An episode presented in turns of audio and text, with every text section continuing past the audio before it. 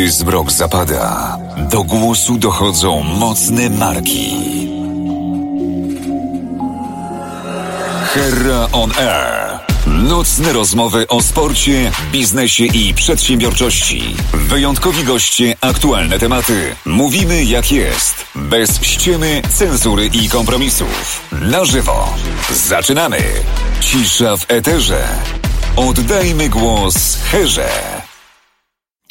Walt Disney w jednej ze swoich najważniejszych strategii tworzenia poszczególnych swoich materiałów, filmów, bajek, historii ma założenie, że jednym z ważniejszych elementów jest oswajanie dzieci ze śmiercią. Ze śmiercią, która jest nieunikniona, niesprawiedliwa i często, no właśnie, Często jest taka, że ona ma wzbudzać zarówno emocje, jak i refleksję. Z jednej strony chce nauczyć dzieci rozmowy o śmierci, o tym, że ona po prostu jest i że trzeba się z nią pogodzić i umieć ją zaakceptować.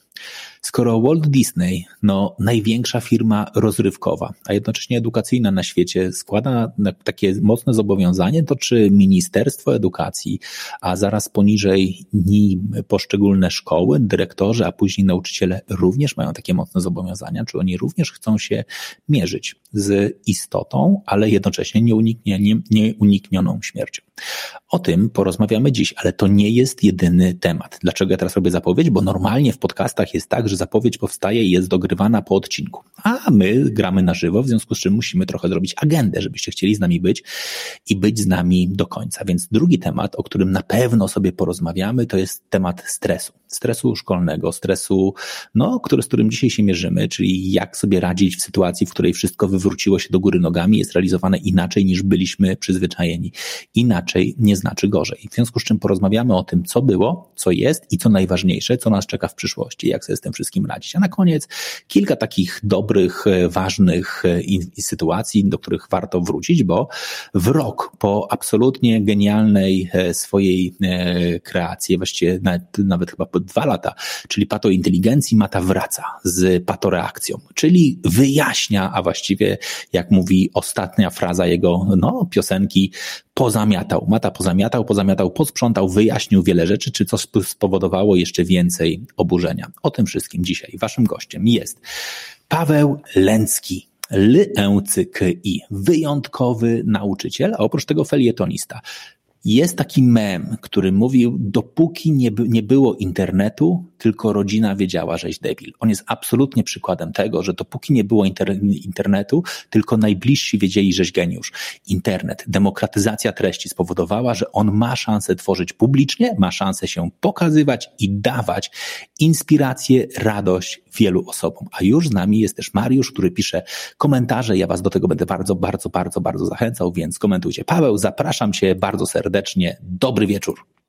Dobry wieczór. Dziękuję, że znalazłeś czas.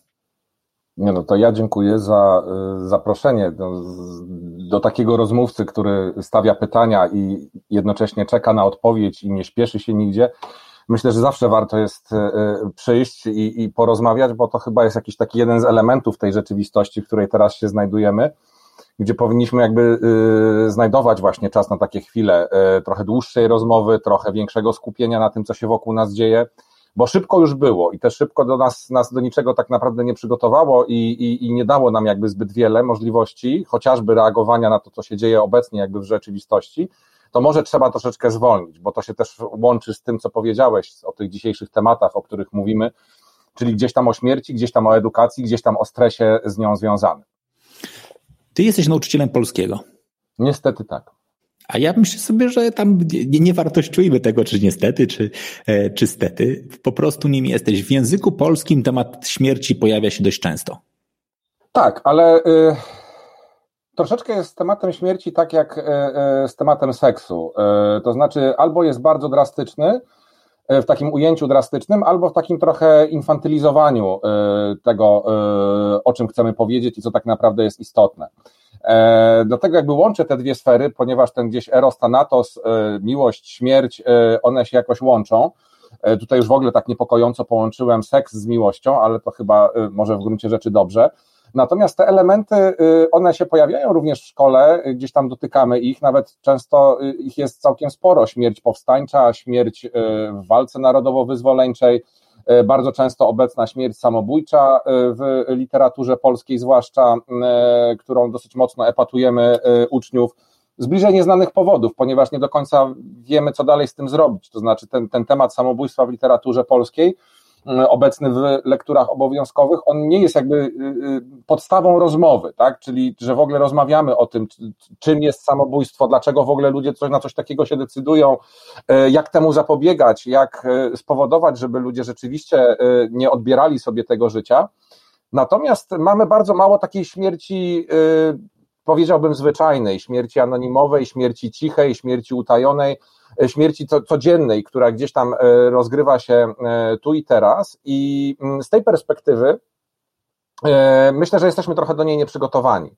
Myślę, że właśnie też pandemia trochę nam pokazała jakby to, gdzie mm, tą sytuację, w której my tak naprawdę obcujemy z tą śmiercią codziennie. Są, był ten moment przecież, kiedy zaczynaliśmy tą pandemię wszyscy na dwa tygodnie, które trwają już e, długo, dłużej e, i e, zaczęliśmy się uczyć jakby tej śmierci Excelowej, tak, czyli tej podawanej na konferencjach prasowych, że zmarło tyle, a tyle osób, nauczyliśmy się terminu nadliczbowe śmierci, czyli tych śmierci pojawiło się trochę więcej niż normalnie, cokolwiek to znaczy, bo przecież w tych normalnych śmierciach też mieszczą się śmierci, których mogłoby też na przykład nie być, tak? E, czyli z takich chorób, które jeszcze można by było na przykład człowieka wyleczyć, a z jakichś tam powodów się nie udało. Czyli to nie jest tak, że mówimy o tylko nadliczbowych śmierciach z powodu naturalnego, jakby cyklu biologicznego życia człowieka. Czyli zaczęliśmy jakby oswajać tę śmierć e, matematycznie, czyli gdzieś tam umiera ileś osób, te osoby najczęściej są E, na początku przynajmniej były dla nas osobami nieznanymi. Ja myślę, że taka zmiana nastąpiła w ogóle w stosunku do, do pandemii i do tego, co się dzieje. W momencie, kiedy ta śmierć zaczęła wchodzić troszeczkę mm, przez drzwi naszego domu, tak mówiąc metaforycznie, to znaczy, kiedy zaczęli jakby gdzieś tam albo być w bardzo takiej skrajnej, dramatycznej sytuacji przed umieraniem, albo umierali nasi przyjaciele, y, ktoś z rodziny bliższej bądź dalszej, lub ktokolwiek, kogo w jakikolwiek sposób kojarzyliśmy, y, chociażby z bloku gdzieś tam człowiek obok, tak? Kiedy zaczął umierać człowiek obok, bliżej lub dalej. Y, I wtedy ja tak obserwując, no bo staram się śledzić też jakby y, jakiś odbiór, powiedzmy trochę internetowy tego, co się dzieje, to chyba jakaś część ludzi, która wcześniej gdzieś tam sobie myślała, że w gruncie rzeczy może nic takiego się nie dzieje, no jest jakaś tam choroba, może jest, może jej nie ma, ale, ale w sumie tak naprawdę no o co wielkie halo robić, to raptem się okazało, że chyba jednak troszeczkę jest i że tych śmierci jest za dużo i, i teraz pytanie, co z tym zrobić? Yy, pojawiają się jakieś takie dwa modele jakby tego w ogóle myślenia na ten temat, to znaczy z jednej strony może pojawiać się taki rodzaj strachu, takiego niepokoju głębokiego, yy, również o samego siebie, o swoich najbliższych, yy, a z drugiej strony może pojawiać się taka obojętność no skoro są te śmierci, to tak naprawdę nic nie można z nimi większego zrobić. To jest trochę tak jak ze śmierciami w wypadkach drogowych. Ich jest bardzo dużo, one się dzieją codziennie, co nocnie i nawet niespecjalnie śledzimy te doniesienia o tym, że ileś ludzi zginęło na drogach. Co, co, roku policja podaje jakieś statystyki. No i teraz pytanie, co z tych statystyk wynika, tak? A śmierci na drogach w większości przypadków są to śmierci, które również się nie powinny zdarzyć. A jeśli mam na myśli, że jakaś śmierć powinna się zdarzyć, mam na myśli tylko tę, która dotyka jakby biologicznego cyklu, kiedy umieramy z powodu starości. Czyli to jest śmierć, której też mogłoby nie być, tak? A nie, nie umiemy jakby sobie z nią poradzić, nie umiemy jakby czegoś zrobić, żeby tej śmierci nie było. Zgodziliśmy się na to, że po prostu ludzie na drogach z różnych powodów e, umierają. I to przecież umierają nie tylko ci, którzy przekroczą prędkość, czyli no, powiedzmy trochę za karę, ale to umierają również ci, którzy zostaną potrąceni przez tych, którzy przekroczą prędkość. A więc tutaj już nie można mówić o jakimś elemencie kary, głupi się zabił. No, no niekoniecznie, tak? E, bo przy okazji zginęła jakaś jeszcze inna osoba, która starała się na przykład przestrzegać bardzo e, przepisów takich czy innych, również w ruchu pieszym. Czyli tak jak mówię, tych, tych śmierci mamy bardzo dużo wokół siebie, a ja mam takie ciągłe poczucie, że jakby szkoła, czyli jakby ta przestrzeń, w której się znajdujemy, e, nie umie dotknąć tego tematu w taki sposób e, dojrzały, pozbawiony takiej właśnie infantylności, uciekania właśnie od tego od tego tematu, albo z kolei jakby porusza się nieustannie w takich niuansach związanych z poświęceniem, śmiercią związaną właśnie z ojczyzną, śmiercią związaną z jakimiś takimi walkami, które gdzieś się toczą, wojna, powstanie. To są znowuż jakieś śmierci trochę odrealnione, ponieważ większość z nas tak się składa, no nie brała udziału w żadnym powstaniu i miejmy nadzieję, że nie będziemy musieli brać takiego udziału. Czyli my mówimy znowuż o pewnej wirtualności, o pewnym przeżyciu innych, które próbujemy w jakikolwiek sposób przenieść na e, nasze doświadczenie, a nie mówimy o tej śmierci obok, o tej śmierci jakby zupełnie zwyczajnej, która w każdej chwili może się pojawić. I do niej jesteśmy, mam wrażenie, w jakiś sposób nieprzygotowani. Czasami się tak zdarza, że przecież e, i tym młodym uczniom, e, których my jako nauczyciele mamy w szkole, może ktoś umrzeć, tak? Może umrzeć rodzic. Często powiem tak takim, no, użyję słowa często, to nie znaczy, że codziennie i nagminnie, ale jednak e, e, co jakiś czas zdarza się, że umierają na przykład dziadkowie.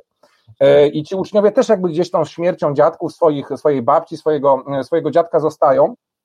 I wiadomo, że w momencie, kiedy w rodzinie gdzieś ten temat jakby ktoś potrafi przerobić, można jakby sobie z nim poradzić, to jest dobrze. Natomiast pamiętajmy, że nie każdy jakby potrafi mówić na ten, na ten temat. I znowuż tutaj może tak niezręcznie, ale wrócę właśnie do tego wątku yy, związanego z seksem. To jest troszeczkę tak jak, jak, jak z tym. To znaczy, no niby wszyscy wiemy, ale tak troszeczkę niezręcznie jest rozmawiać, nie każdy potrafi rozmawiać, bo to trochę temat wstydliwy. Z seksem i śmiercią jest dosyć podobnie, tak? Nie umiemy znaleźć normalnego, sensownego języka, uczciwego języka wobec wszystkich i tych powiedzmy yy, najbardziej drastycznych elementów i tych zwyczajnych elementów, bo ze śmiercią też są związane zupełnie zwyczajne elementy, które w ogóle nie powinny nas zaskakiwać jakoś szczególnie dziwić.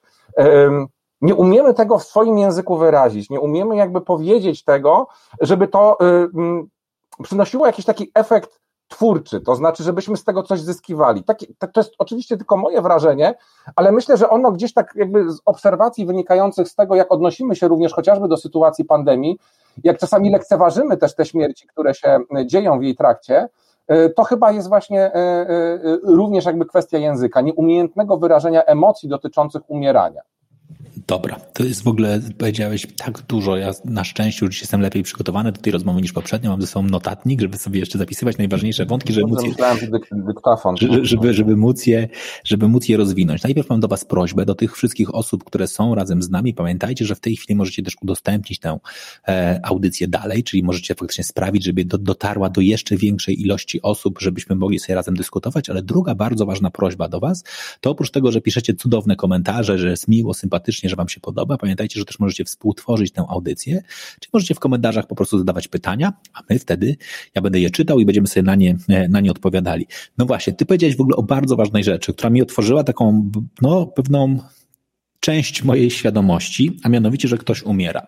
Ja, ponieważ żyję z wystąpień, czyli mówię do ludzi, e, przez, od, przez ostatnie 12 miesięcy mówię w internecie i mówię po prostu do pracowników firm, starając się pokazywać różne elementy związane nie wiem, ze współpracą w zespole, sprzedażą i tak dalej to mniej więcej od jakieś pół roku temu klienci mi bardzo mocno zwracali uwagę i mi mówili: Wojtek, mamy dużą prośbę, znamy Twój styl, znamy, że lubisz sobie czasami zażartować, lubisz sobie dworować.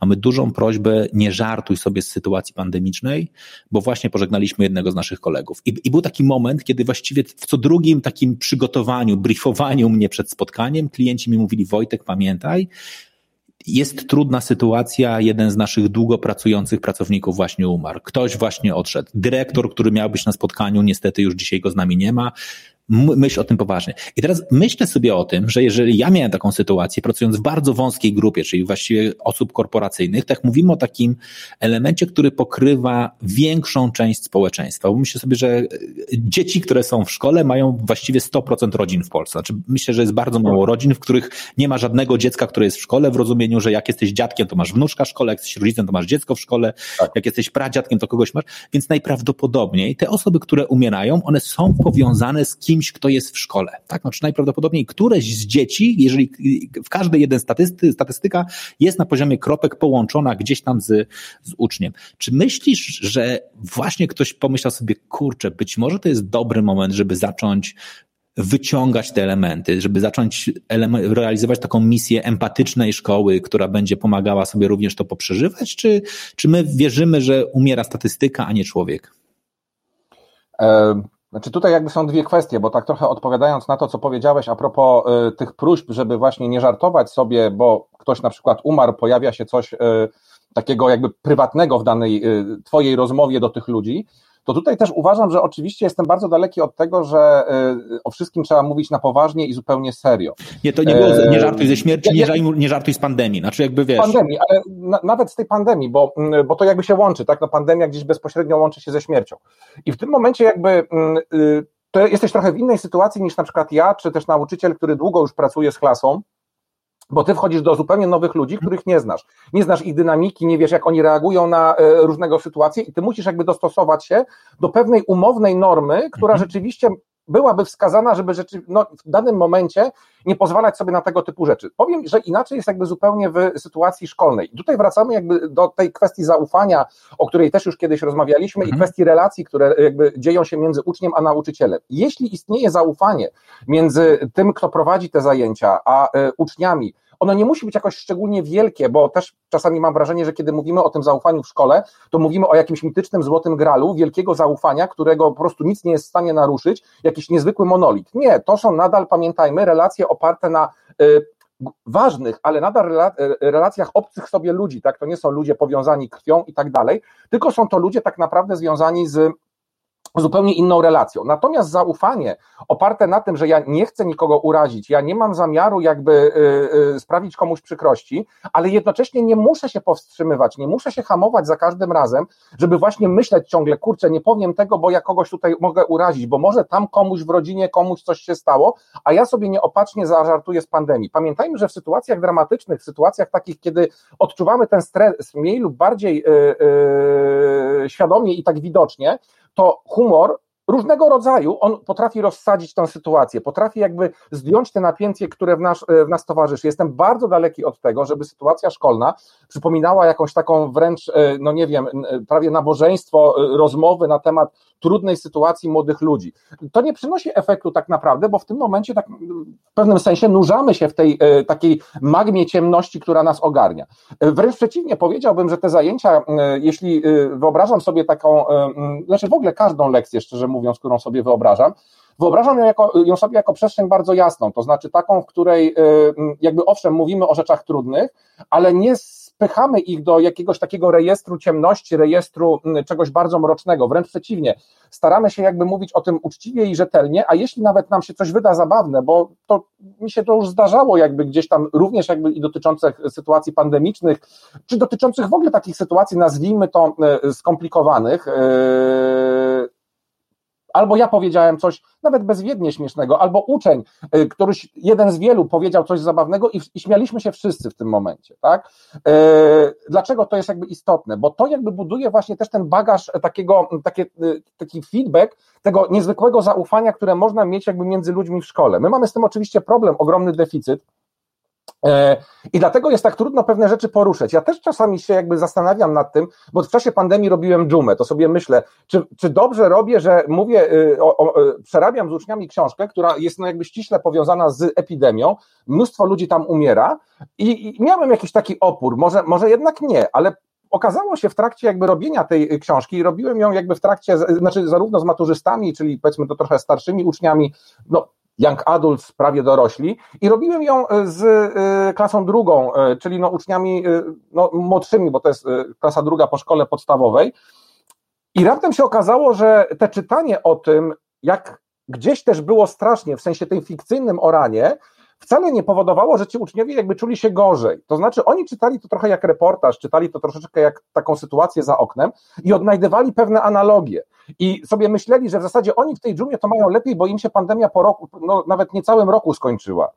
E, i już wszystko było z głowy, tak? Dżuma odeszła, przynajmniej w danym momencie, no bo wiemy, że, że sensem tej książki jest to, że epidemia, czy tam dżuma, czy zło, które sobie podstawimy pod tą dżumę, nigdy nie znikają. Natomiast e, oni widzieli jakieś takie e, odbicia też zachowań społecznych, widzieli odbicia swoich reakcji tak naprawdę, a jednocześnie, co bardzo istotne, w tej książce mieli postawy bohaterów, którzy zachowują się w sposób bardzo humanistyczny, tak głęboko humanistyczny, czyli starają się pomóc nie z jakiegoś poczucia obowiązku czy jakiejś świętości, tylko najzwyczajniej w świecie, bo po prostu tak trzeba, tak, że jeśli dzieje się coś złego, no to warto jakby pomóc drugiemu człowiekowi. Czyli raptem się okazało, że wcale to nie jest takie złe y, jakby mówienie o książkach, które raptem dotykają naszych aktualnych problemów.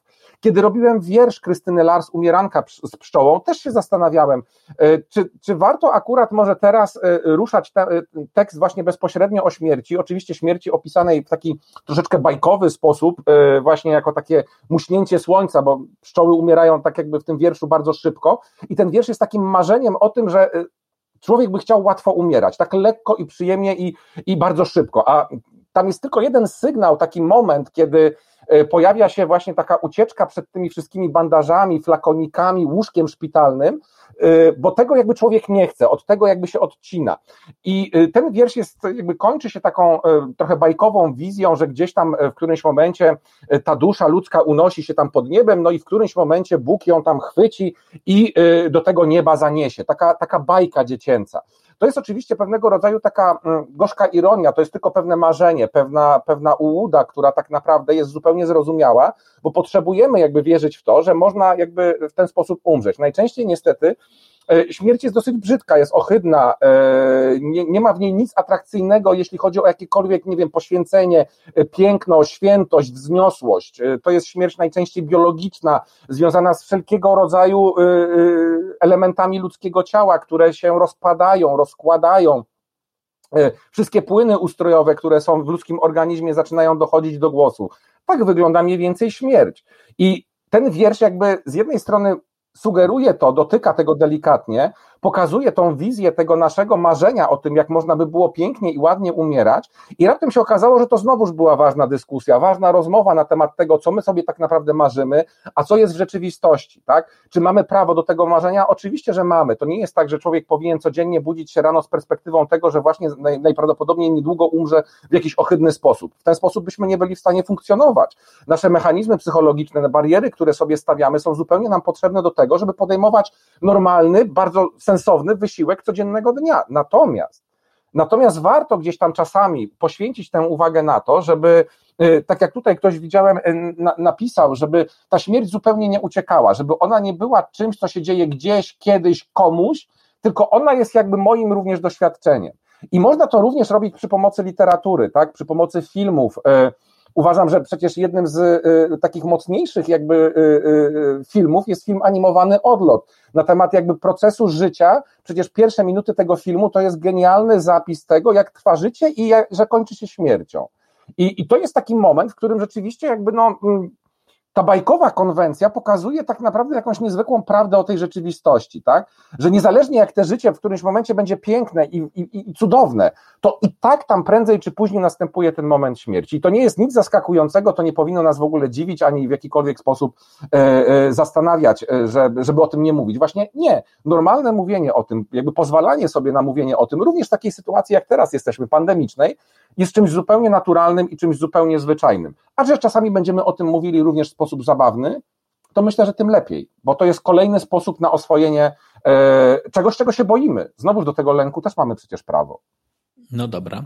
Ty powiedziałeś w ogóle na samym początku, bo e, użyłeś e, bardzo ładnego porównania, czyli że ten temat śmierci jest bardzo podobny do tematu seksu, że jeden i drugi wydaje nam się trudny, więc jeden i, trud, i drugi e, od drugiego uciekamy. Tylko problem polega na tym, że jeżeli faktycznie nie zajmujemy się seksualnością nie zajmujemy się rozmowami z uczniami, z dziećmi, z młodzieżą o seksie, to oni zaczynają czerpać wiedzę z pornografii. Co jest absolutnie najgorszym możliwym scenariuszem, jaki można sobie wyobrazić, bo nie dość, że poznają e, seks totalnie wypaczony, znaczy nagle zaczyna im się, tak, tak jak wierzą, że nie wiem, jak jest science fiction, to ludzie nie, nie, nie latają na co dzień, to jak oglądają Pornhuba, to się wydaje, że przeciętny członek ma 42 centymetry i generalnie na bank... Tak, a stosunek trwa 40 minut i, i, generalnie to, to tylko powoduje jedną wielką frustrację, bo dlaczego tak jest, że, że mi się tak, tak bardzo nie, e, nie udaje.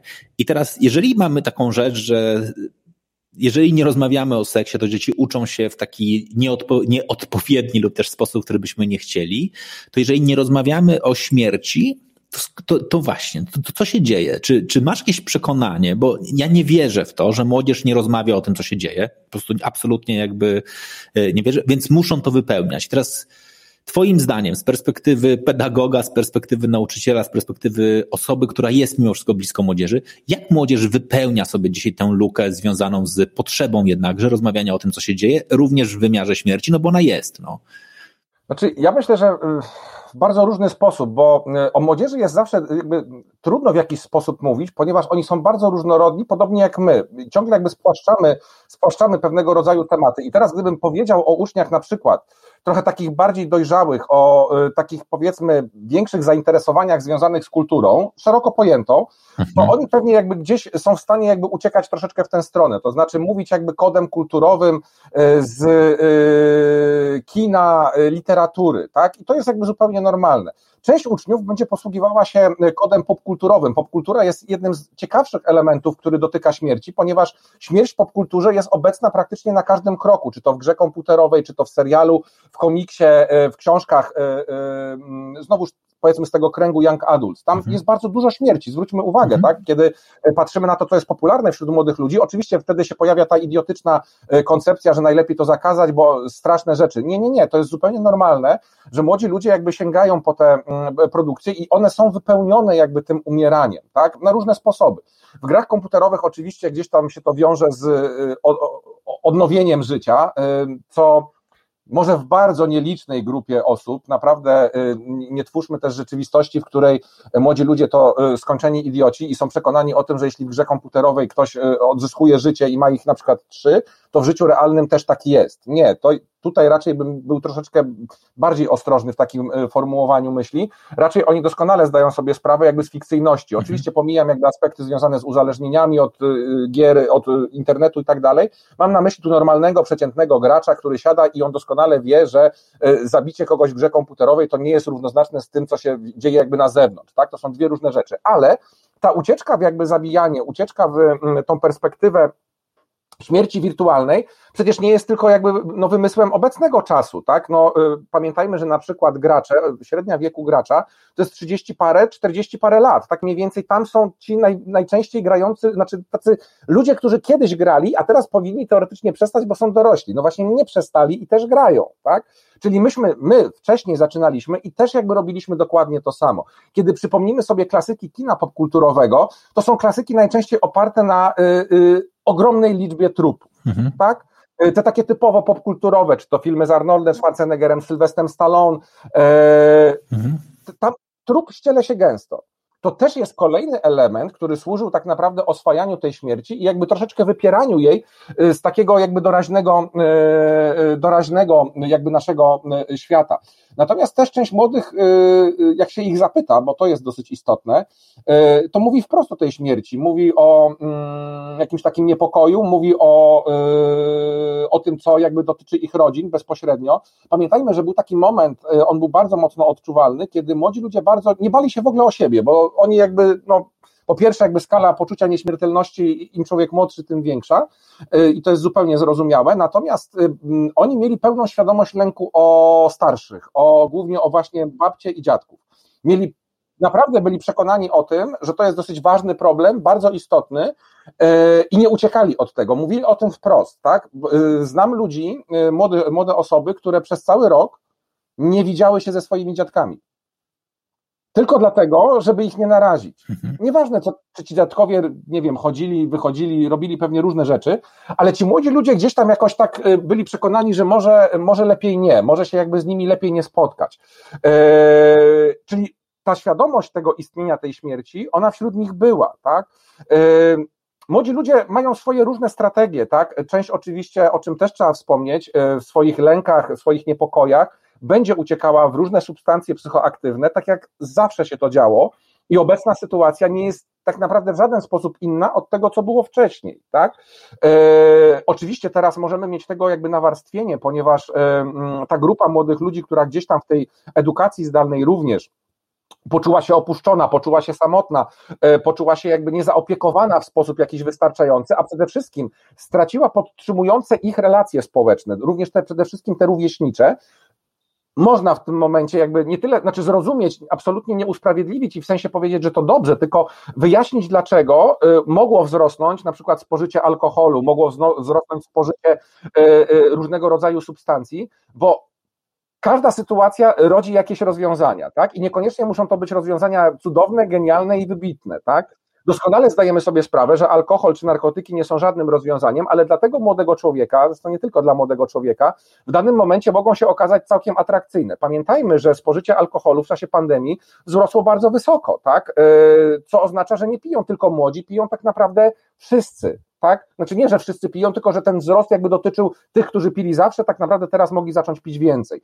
Czyli ten problem, o którym się tak naprawdę bardzo mało mówi, czytałem kiedyś taki wywiad właśnie z e, lekarzem, specjalistą, psychologiem e, od uzależnień, e, kalendarz zajęty, ogromny wzrost jakby tych liczby pacjentów, no ale uciekamy od tego tematu, bo znowuż to jest niezręczne. No, no, no tak trochę nie wypada, i to nie mówimy o jakiejś patologii alkoholowej, mówimy o tak zwanych ludziach z dobrych domów, mówimy o ludziach wysoko funkcjonujących, którzy ten problem alkoholowy y, w czasie pandemii on się im bardzo rozwinął. No to dlaczego miałby się nie rozwinąć w przypadku młodych ludzi? Przecież to jest normalne, prawda?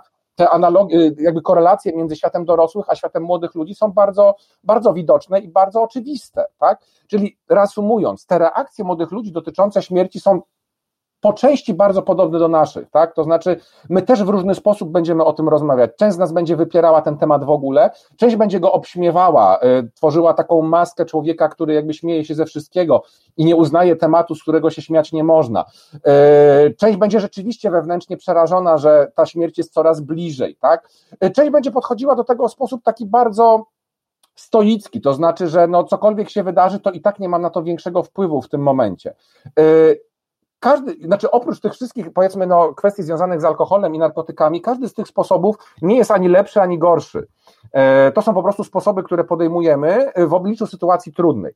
Znowuż na moment, żeby podsumować, wracając do szkoły, ja ciągle uważam, że jakby rolą szkoły jest gdzieś budowanie tych dobrych praktyk, tak? To znaczy tych sytuacji, w których e, ktoś nie musi jakby zostawać sam ze swoim problemem. To znaczy nie musi być, mieć poczucia, że e, te jego sprawy są tylko i wyłącznie jego. W szkole tak naprawdę może zobaczyć, że te problemy, które on ma, z którymi się mierzy, to są problemy tak naprawdę w jakimś sensie nas wszystkich. Przeżywamy je inaczej, szukamy sobie jakichś rozwiązań, ale jesteśmy w tym w jakimś sensie razem, tak?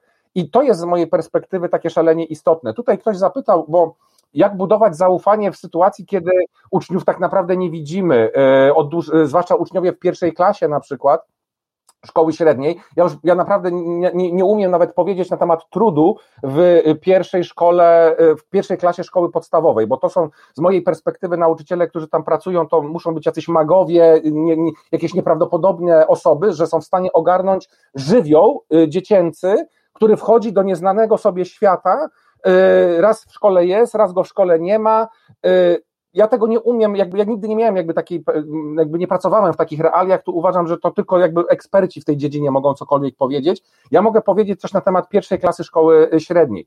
Y, a propos tego zaufania. Znowuż jakby sprawa jest trochę prostsza niż to się wydaje. To znaczy, jeśli przez ten miesiąc wcześniejszy, pierwszy, y, bo mieliśmy przez moment tę edukację, tak około półtora to trwało, udało się zbudować cokolwiek. To znaczy, no nie wiem, taką prostą rzecz, że wzajemnie się chociaż trochę polubiliśmy.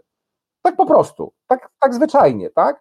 E, nie weszliśmy w jakiś konflikt, e, nie spowodowaliśmy jakichś niepotrzebnych e, emocji negatywnych, to jest już na czym budować, tak? Ja nie pamiętam twarzy swoich uczniów.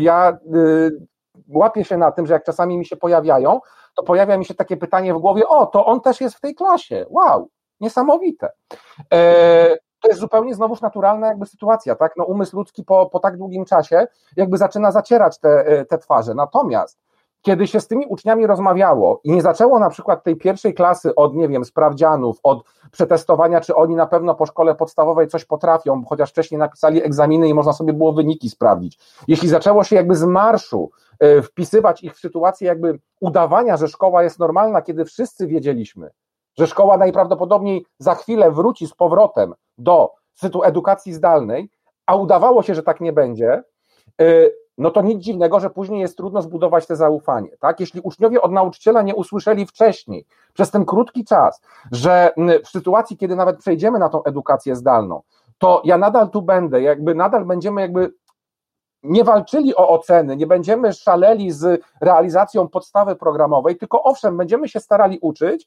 ale też będziemy starali się rozmawiać. Jeśli oni o tym wiedzą, to chociaż te minimum zaufania da się zbudować. To nie będzie takie samo y, zaufanie, jak się buduje w relacji jakby no, tej fizycznej, tak w szkole, kiedy widzimy się, obserwujemy swoje reakcje, ale jest punkt zaczepienia. Ja obawiam się, że często tak było, że bo to zresztą no, to nawet nie są obawy, tylko to są jakieś tam fakty, które wynikają też z różnych trochę i badań, trochę też jakby opinii, że nauczy, nauczyciele nie umieli w tym krótkim czasie spróbować e, po prostu z tymi uczniami rozmawiać. Tylko zaczęli jakby udawać, że szkoła istnieje tak, jak istniała i trzeba realizować materiał tylko i wyłącznie, a jakiekolwiek rozmowy nie mają większego sensu. No to na tym się nie zbuduje relacji, tak? Na tym się nie zbuduje zaufania. Podstawę programową można realizować dopiero wtedy sensownie, kiedy zbuduje się zaufanie, zbuduje się relacje. Wtedy rzeczywiście taka czy inna podstawa w jakiś sposób będzie sobie tam działała. Natomiast podstawą jest zawsze i wyłącznie zbudowanie relacji. Dlatego też, kiedy ja teraz no gdzieś tam ja i też jakby sporo nauczycieli. E, rozmawiamy z uczniami e, właśnie tej pierwszej klasy szkoły e, podstawowej, po, po szkole podstawowej, czyli pierwszej klasy szkoły średniej, to nie jest lekko, to, to nie jest tak, że to jest jakaś bajka i jest w ogóle cudownie. Oni mówią o swoich problemach, mówią o swoich jakby sytuacjach, czasami się w ogóle nie odzywają, to, to też trzeba się z tym liczyć, tak? I nie ma cudów, jak uczeń się nie chce na edukacji zdalnej odezwać, to się nie odezwie. No tutaj naprawdę y, to, to jest jego decyzja w gruncie rzeczy, tak? Ja mam jakby bardzo niewielki wpływ na to, co on zrobi. Ja mogę się tylko cieszyć z tego, że on się w końcu odezwał, tak? E, i jakby podziękować mu w jakimś sensie za to, nie że w kółko, ale raz na jakiś czas, że fajnie, że do mnie mówicie, tak, fajnie, że się jakby pracujemy. To jest też taki pozytywny komunikat i na tym się buduje gdzieś tą relację, na tym buduje się te zaufanie, tak, jeśli się widzi tylko system ocenowo, widzi się system y, sprawdzawczy, tak, czyli zróbmy kolejny test, zróbmy kolejny sprawdzian, no to wtedy nie stawiajmy pytania o zaufanie, bo w tym momencie się go nie zbuduje. Na tym to chyba wszystko polega. Tak? Za każdym razem, tak naprawdę, gdzie się nie ruszymy, to wszystko sprowadza się do rozmowy. Rzetelnej, uczciwej rozmowy, kiedy dwie strony traktują się równorzędnie. Traktują się jako. Y, niekoniecznie, nawet my, my wiemy, ja, ja, mogę wiedzieć, że ja wiem więcej, powiedzmy, w mojej dziedzinie, może też jeszcze w paru innych od moich uczniów, ale to nie znaczy, że oni są ode mnie głupsi. To są równorzędni partnerzy dialogu, który ja z nimi prowadzę. Jeśli ja coś wiem więcej, to tylko po to, żeby ewentualnie im coś pokazać. Tak? To, to, to jest jakby ta moja rola w tym momencie. Natomiast traktowanie się wzajemne z takim dużym szacunkiem buduje zaufanie. I to moim zdaniem da się nawet zrobić w czasie edukacji zdalnej, chociaż jest bardzo trudne i nigdy nie będzie takie jak w czasie edukacji normalnej. Tylko, że co, z drugiej strony w polskiej szkole to tak świetnie było z zaufaniem na edukacji stacjonarnej? Też chyba nie. Wiesz co, znaczy to w ogóle znowu, e, ja bym dodał jeszcze jedną rzecz, a mianowicie znowu w poprzedniej naszej rozmowie rozmawialiśmy o trzech składnikach zaufania, porozmawialiśmy trochę o wierze w dobre intencji, prawie do popełnienia błędów. Ja bym się skupił na tym trzecim elemencie. Trzeci element to jest akceptowanie i czerpanie z różnic. To jest takie głębokie przekonanie, że people are different and that's okay. Znaczy, że każdy jest różny, inaczej, inaczej się rozwija i tak dalej. I ja trochę wrzucę e, kamyk z poziomu rodzica, który pewnie ma jakąś tam świadomość, ale z jakby do, do, nauczycieli. Mój starszy syn, no ponieważ jest w, akurat w, dokładnie w, w piątej klasie, przerabiał ostatnio sposób na Alcybiadesa i przyszliśmy przez tą książkę razem. Znaczy oprócz tego, że ja byłem przerażony, znaczy e, ponieważ mnie wciągnęła trochę nawet bardzo, to sobie pomyślałem, Jezu, jaka to jest fajna książka, ale tak mu współczułem, bo ona, ona jest tak trudna dla moim zdaniem dzisiejszego dziecka, jest naprawdę jakby ten, ale jest jedna rzecz, ja później przysłuchiwałem się trochę, no na tym polega magia szkoły zdalnej, to jak ona jest omawiana i tam zabrakło jednej rzeczy, zabrakło takiego jednego tematu, a mianowicie porozmawiajmy o mocnych stronach każdego z bohaterów i porozmawiajmy o tym, co wnosił do grupy w ramach tych mocnych stron. To jest, to, to jest definicja zaufania. to jest pamiętanie o tym, że w teście było jakieś durne pytanie, na które nawet ja źle odpo odpowiedziałem, którym było, ilu jest, ilu jest głównych bohaterów tej książki. Tak, ja sobie policzyłem raz, dwa, trzy, ten sześć mi wyszło. Okazało się, że jest ich tam inna, inna ilość, e, liczba właściwie, tak, ale, ale sobie pomyślałem, kurczę, jeżeli mamy mówić o zaufaniu i mamy uczyć dzieci budowania zaufania, to to jest dokładnie ten element. Znaczy, jak miałbym dzisiaj uczniów z pierwszej klasy, to bym powiedział, hej, dbajcie o to, że jak sobie robicie na Teamsach, a oni umieją robić na Teamsach, e, cover foto, to ja nie chcę, żebyście mieli włączone, e, włączone twarze, tylko żebyście na przykład wrzucali tam zdjęcia z napisem, jaka jest twoja mocna strona na dziś. What's your superpower, tak? Znaczy niech każdy powie, co dzisiaj wnosi do klasy. Jeden powie, ja dzisiaj do klasy wnoszę, wnoszę smutek, a inny, ja wnoszę czerwoną butelkę i wodę dla wszystkich, a inny powie cokolwiek, ale to jest to pamiętanie, że jakby zespół jest oparty na różnorodności i jakby gdybyśmy tego poszukiwali w dzieciakach, to myślę, że byłoby nam zdecydowanie łatwiej, bo to zakłada również to, co ty powiedziałeś. Ej, ja też mam swoje słabe, ja też mam swoje mocne strony, też mam swoje ograniczenia. Hej, ja też mogę jako nauczyciel dzisiaj na przykład zacząć od tego, że sobie wyświetlę ikonkę, której powie, ja dzisiaj wnoszę, nie wiem, refleksję związaną ze śmiercią Krzysztofa Krawczyka, chciałbym z wami o tym porozmawiać, tak? I, I, to jest jakby cokolwiek innego i to jest gdzieś element, który się gdzieś tam sobie pojawia. Przepraszam, że przejąłem trochę twój, bo to ty miałeś odpowiedzieć na pytania, a nie ja. No dobra, znaczy, ale no. Znaczy nie, nie, bo, bo to jest jakby chyba dosyć e, jakby e, kluczowe. E, ja w jakimś sensie jestem fanem organizacji turkusowych i wszystkiego tego, co jakby z nimi związane. Tutaj jakby, kiedy chociażby spojrzymy na wypowiedzi profesora Bliklego, który jakby podaje takie dwa bardzo proste jakby czynniki, które decydują o tym, że organizacja jest sensowna i ludzie chcą tak naprawdę jakby cokolwiek sensownego robić, tak? To są takie dwa, dwa, dwie proste rzeczy, tak? Czyli prawo do zrobienia czegoś inaczej, czyli nie tak jak zawsze, w kółko tak samo, i prawo do błędu. To, to są podstawowe dwie takie banalne, e, dwie banalne jakby e, rzeczy. I dlaczego to jest istotne e, względem tego, co ty powiedziałeś, bo jakby omawianie książki, pamiętajmy, że często wygląda dziadowsko y, z perspektywy jakby z zewnątrz, ale też dla uczestników tego omawiania, ponieważ mamy egzaminy, tak? Pamiętajmy, że jakby formuła egzaminów wymaga pewnej wiedzy zupełnie bezsensownej, y, no bo tak jakby konstruuje się ten egzamin, tak? I y, uczeń musi rzeczywiście gdzieś tam posiąść jakieś takie detale, które często są oczywiście kompletnie nic nie wnoszące i z tej perspektywy dlatego tak to mniej więcej wygląda. To oczywiście nie znaczy, że nauczyciel nie może sobie tego szybko zrobić i później po prostu robić zupełnie coś innego. E, w ramach tej książki, tak, jakby traktować ją jako pewien punkt wyjścia, tak, jako pewną debatę o e, różnych rzeczach. E, no, chociażby tak jak jeśli no, przerabiałem rok 1984 czy Nowy Wspaniały Świat, no to jest chyba logiczne, tak, że jakby no, trudno było się nie odwoływać, nie że do Polski jako takiej, te, tu i teraz, tylko w ogóle do sytuacji światowej, tego jak nasza rzeczywistość wygląda. No to jest chyba logiczne, że o tym jakby się dyskutuje, prawda? Ale to można też robić na fragmentach, można to robić na konkretnych elementach fabuły, to nie jest jakiś taki wielki problem. Natomiast e, te budowanie jakby tego e, e, poczucia, mm, zaufania jakby wynika właśnie z tych dwóch elementów. To znaczy, że w końcu zaczynamy robić coś inaczej, nawet drobnymi kroczkami, tak? Czyli jakby no nie, nie robimy w kółko tego, tego samego. No polska szkoła jest powtarzalna, jest takim taśmociągiem nieustannie idącym identycznie, pomijając oczywiście takie no pewne jakieś tam wysepki y, oryginalności, to w większości przypadków jakby wszystko dzieje się identycznie, tak? I ten jakby młody człowiek jakby 10 y, lat temu w zasadzie mniej więcej robi dokładnie co teraz, 20 lat temu też i tak w zasadzie najprawdopodobniej za mniej więcej około 15 tak samo będzie to wyglądało, biorąc pod uwagę nastawienie społeczne. I z drugiej strony, te prawo do błędu. No jeśli szkoła zamienia się jakby tylko i wyłącznie w rozliczanie z błędów, czyli cokolwiek źle zrobisz, to jesteś karany, bo w szkole istnieje kara, tak? Ocena niedostateczna jest karą. Problem z ocenami jest taki, że to nie jest problem z nimi samymi jako takimi, bo rzeczywiście zgadzam się z tym, chociaż osobiście bardzo bym chciał w ogóle ocen nie stawiać i unikam tego jak ognia. Natomiast e, zdaję sobie sprawę, że z perspektywy rodzica, co ty poruszyłeś, bardzo istotne jest to, że rodzic gdzieś tam potrzebuje przynajmniej jakiejś informacji, żeby wiedzieć cokolwiek na temat tego, co się dzieje jakby z jego dzieckiem. Oczywiście ideałem by były oceny kształtujące, ale w sytuacji, w której istnieje polska edukacja, czyli kiedy mamy 30 osób w klasie, uczymy pod kilka klas, nauczyciele przedmiotów takich jak fizyka uczą czasami po 11 klas, można zapomnieć o jakichkolwiek ocenach kształtujących, tak? Nikt nie jest tego w stanie sensownie zrobić, dopóki jakby będzie taki system, jaki jest w tej chwili, tak? System ocen kształtujących może się sprawdzić w jakby małych zespołach, w nielicznych klasach, gdzie można rzeczywiście jakby bardzo indywidualnie każdego ucznia opisać. Dlatego ja jestem bardzo ostrożny oczywiście z tym takim całkowitym przekreślaniem jakby ocen, ale do czego zmierzam? Wystarczyłoby zmienić chociaż jeden sposób myślenia, myślenia, że ocena nie jest karą, ani też nie jest nagrodą. To znaczy, u nas jest tak, no jak jest piątka, szóstka, no to jest wielkie halo, bo to jest nagroda, wspaniale. Troszeczkę jak, przepraszam, jak piesek zrobi ładną sztuczkę, dostał jakby, to dostaje, nie wiem, tam jakiegoś smaczka, prawda, kosteczkę, czy tam jakiś taki takie miąsko sprasowane. Nie wiem, jak to się nazywa.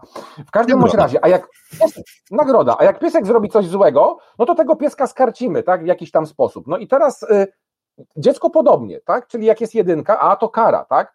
Sama jedynka jest karą, później najczęściej jeszcze jakaś kara będzie w domu, no bo przyniósł złą ocenę.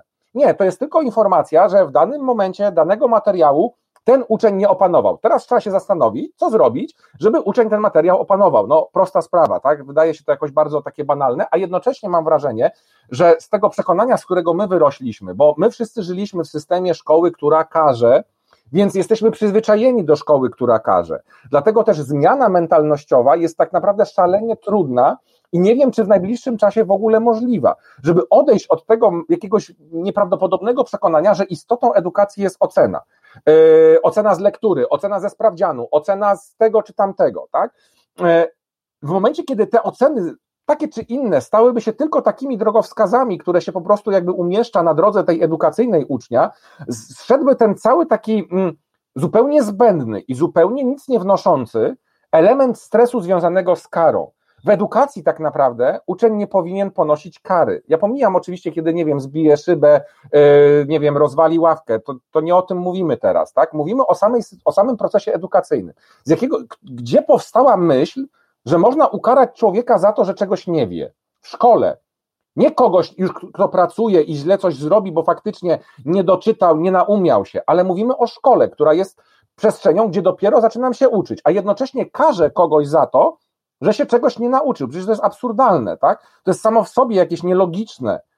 Owszem, można, mamy pełne prawo powiedzieć, tego nie potrafisz, tego jeszcze nie opanowałeś, a to opanowałeś w takim czy innym stopniu, tak? To jest normalna rozmowa, normalna sytuacja, która buduje cały ten proces jakby zdobywania y, wiedzy. Ja tu na razie mówię całkowicie o takim w ogóle nierewolucyjnym modelu szkoły, dlatego używam tych pojęć typu opanowałeś, y, zdobyłeś, przekroczyłeś pewien etap. Tylko, że jeśli komuś coś się nie powiedzie, nie powinien być za to karany, bo pojęcie kary w ogóle nie mieści się w procesie edukacji. To jest jakby sprzeczność, to są dwa antonimy w ogóle tak naprawdę y, jako, jako pojęcia. I jeszcze bardzo ważna jedna jest rzecz, kiedy profesor Blicke mówi na temat tego, co jest jednym z najważniejszych motywatorów, e, żeby człowiek działał, żeby wytwarzał, żeby był kreatywny w takim rozumieniu, że chce coś robić. To jest perspektywa bycia dumnym.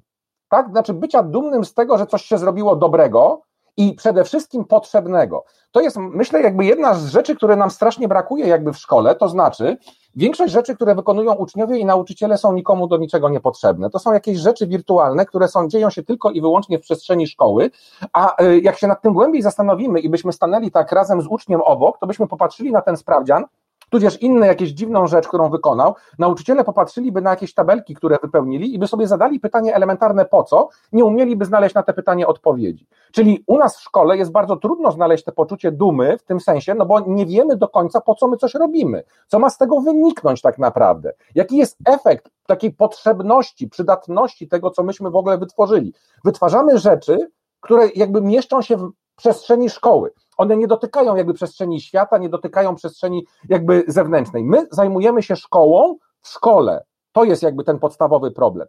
I żeby to podsumować, a propos tych organizacji turkusowych. Podstawową różnicą między organizacją turkusową, a taką organizacją, jaką jest teraz szkoła, i tak naprawdę wiele jeszcze elementów naszego życia, to jest to, że my ciągle się y, mylimy jakby pojęcia, bo w normalnej rzeczywistości, takiej naszej i również szkolnej, y, najpierw trzeba się na, strasznie namęczyć, trzeba po prostu, no już tak powiem wprost, zapierdalać, żeby cokolwiek gdzieś tam się pojawiło jako cel do osiągnięcia, tak? Tym celem w szkole są egzaminy, które są takim zewnętrznym świadectwem tego, że coś się osiągnęło. No i może dopiero jak już te egzaminy dobrze zaliczysz, młody człowieku, to otwiera się przed tobą jakaś perspektywa na dobre życie, może jakiś sukces. Czyli cały ten proces, który ty miałeś w szkole, w tej edukacji, który tam tworzyłeś, to nie jest jakby, to jest coś, co niekoniecznie budowało ciebie jako człowieka, to nie jest coś, co budowało ciebie jako, mm, jak, nie budowało twojego dobrego życia, tylko ty zasuwasz na ten sukces. No i to tutaj jakby w normalnej pracy to działa w ten sposób, że ludzie sobie tak często planują, nie? To to się najpierw napracuje, a później jak już tam przejdę na tą emeryturę, a może trochę wcześniej, to sobie tam, nie wiem, pojadę gdzieś albo coś tam fajnego zrobię. No, często się nawet nie zdąży tego zrobić, bo ludzie umierają, tak? A to na zawał, a na to coś innego. W szkole uczeń jest skoncentrowany na egzaminie. Egzamin jest jedynym, jakby głównym celem tej edukacji. Nic więcej tam nie ma. Tak? To, to jest jakby podstawowe. Zamiast na odwrót, to znaczy najpierw ja buduję siebie jako człowieka, Ja buduję swoje dobre życie. Ja jestem szczęśliwym człowiekiem, a jeśli z tego, bo najprawdopodobniej tak będzie, powstaną efekty, na przykład edukacyjne w firmie, efekty jakby wytwórcze, które w rezultacie mogą przynieść pieniądze, dlaczego nie? Równie dobrze mogą przynieść, tak? To to dopiero będzie miało sens. Czyli najpierw zaczynam od dobrego życia, najpierw zaczynam od tego, jakim ja jestem i jak ja się czuję. Jeśli w szkole tak wiele osób, bo przecież nawet teraz to już wiemy, to jest jedna z najbardziej przerażających zmian, jaka nastąpiła. Był taki moment, że uczniowie chcieli wracać do szkół, ciągle się mówiło, kiedy te szkoły będą otwarte. Teraz część uczniów do tych szkół nie chce wracać. Znaleźli swoją przestrzeń, uporządkowali sobie tą egzystencję, taką czy inną. Nawet ci, którzy się źle czują, to wcale nie, nie, nie twierdzą, że w tej szkole się poczują dużo lepiej, bo tam wcale nic ich fajnego nie czeka tak naprawdę. Tam, się, tam ich czeka nadrabianie materiału i co? Egzaminy. Jedne czy drugie w szkole podstawowej, ósmoklasiści, maturzyści oczywiście swoje, tak? Wszystko kończy się egzaminem. Całe budowanie jakby tożsamości młodego człowieka, całe budowanie jego osobowości, jego dobrego życia w szkole sprowadza się do egzaminu. To jest porażające i z tej perspektywy ty jako rodzic obserwujesz realizację książki, która w ogóle nie, nie, niekoniecznie, no o książce się rozmawia, tak, o książce się dyskutuje, tak, a nie rozważa się ilu ma głównych bohaterów. To nie jest wina tej nauczycielki, żeby było jasne, tak? To jest próba ogarnięcia y, takich ram tej książki, żeby uczeń umiał później się bezpiecznie poruszać na egzaminie. To nie jest jego przygoda z tą książką, to nie jest jego podróż po tej książce, bo celem jest egzamin, czyli szkoła nie buduje tego, co właśnie na przykład w organizacji turkusowej jest ważne. Wychodzimy od dobrego życia, a jest ogromna szansa, że te nasze szczęście, nasza szczęśliwość, nasze poczucie dobrostanu, to, że będziemy jakby czuli się dobrze, i tak przyczyni się do rozwoju y, naszej firmy, bądź naszego, nas samych, tak? Jeśli w organizacji turkusowej, oczywiście w takim idealnym założeniu, do pracy idzie się z ochotą, to pomyślmy, ilu z nas tak naprawdę do pracy idzie z ochotą, z taką wielką energią i werwą. Często się dziwimy, że uczniowie nie chcą wstać do szkoły. No teraz to w ogóle, tak, bo tam stają na chwilę przed lekcją. Ale a my to tak z chęcią, tak się rwiemy, po prostu w niedzielę to już planujemy, jak będzie fajnie w poniedziałek? No nie. W niedzielę głównie zajmujemy się tym, jak będzie niefajnie w poniedziałek. A ideałem byłoby, żeby praca, nawet trudna, nawet ciężka, to nie chodzi o to, że organizacja turkusowa to jest takie e, rozwiązanie, gdzie wszyscy sobie siedzą, leżą i nic się nie dzieje. Nie, to jest coś, co właśnie profesor Blikle określa taką demokracją partnerską, tak? To znaczy, jesteśmy współodpowiedzialni na przykład za nasze przedsiębiorstwo, tak? Nie ma hierarchii takiej typowej, e, jest to rozłożone, ponieważ ludziom się ufa. W szkole nie ufa się nikomu. Teraz na edukacji zdalnej to wyszło bardzo mocno, tak? Uczniowie ściągają, więc nauczyciele wyszukują jakieś najdziwniejsze metody, jak tak naprawdę y, sprawdzić, czy ten uczeń nie ściąga. Nie, nie, nie wiem, nie zdając sobie sprawy, że jak uczeń będzie chciał ściągnąć, to i tak ściągnie, czyli zamiast budować jakąś kulturę normalnego jakby funkcjonowania w relacji, pisania czegokolwiek, sytuacji internetowej, no to skupiamy się na tym, że uczniowie na pewno ściągają. Obojętnie, czy oni ściągają, czy nie, to i tak zakładamy, że ściągają, czyli nie ufamy, tak? Rodzice nie ufają nauczycielom, bardzo często gdzieś tam te, te relacje właśnie spinają się na gruncie y, y, braku zaufania. Nauczyciele nie ufają y, tym rodzicom, że może ich intencje jednak są szlachetne, czasem nie, bo czasem są bez sensu zupełnie, tak? E, nie ufa się czasami dyrekcji, dyrekcja nie ufa nauczycielom. E, no już o ministerstwie nie wspominam, bo to w ogóle pominimy, bo to jest instytucja, która nie istnieje i jakby no, to, to jest coś, czego nie ma, tak? Natomiast to, to są takie jakieś proste elementy, których my jednocześnie w szkole, w takiej naszej rzeczywistości nie jesteśmy w stanie wdrożyć. A dlaczego? Bo tak nie wygląda nasze życie. Nasze życie nas dorosłych tak nie wygląda najczęściej.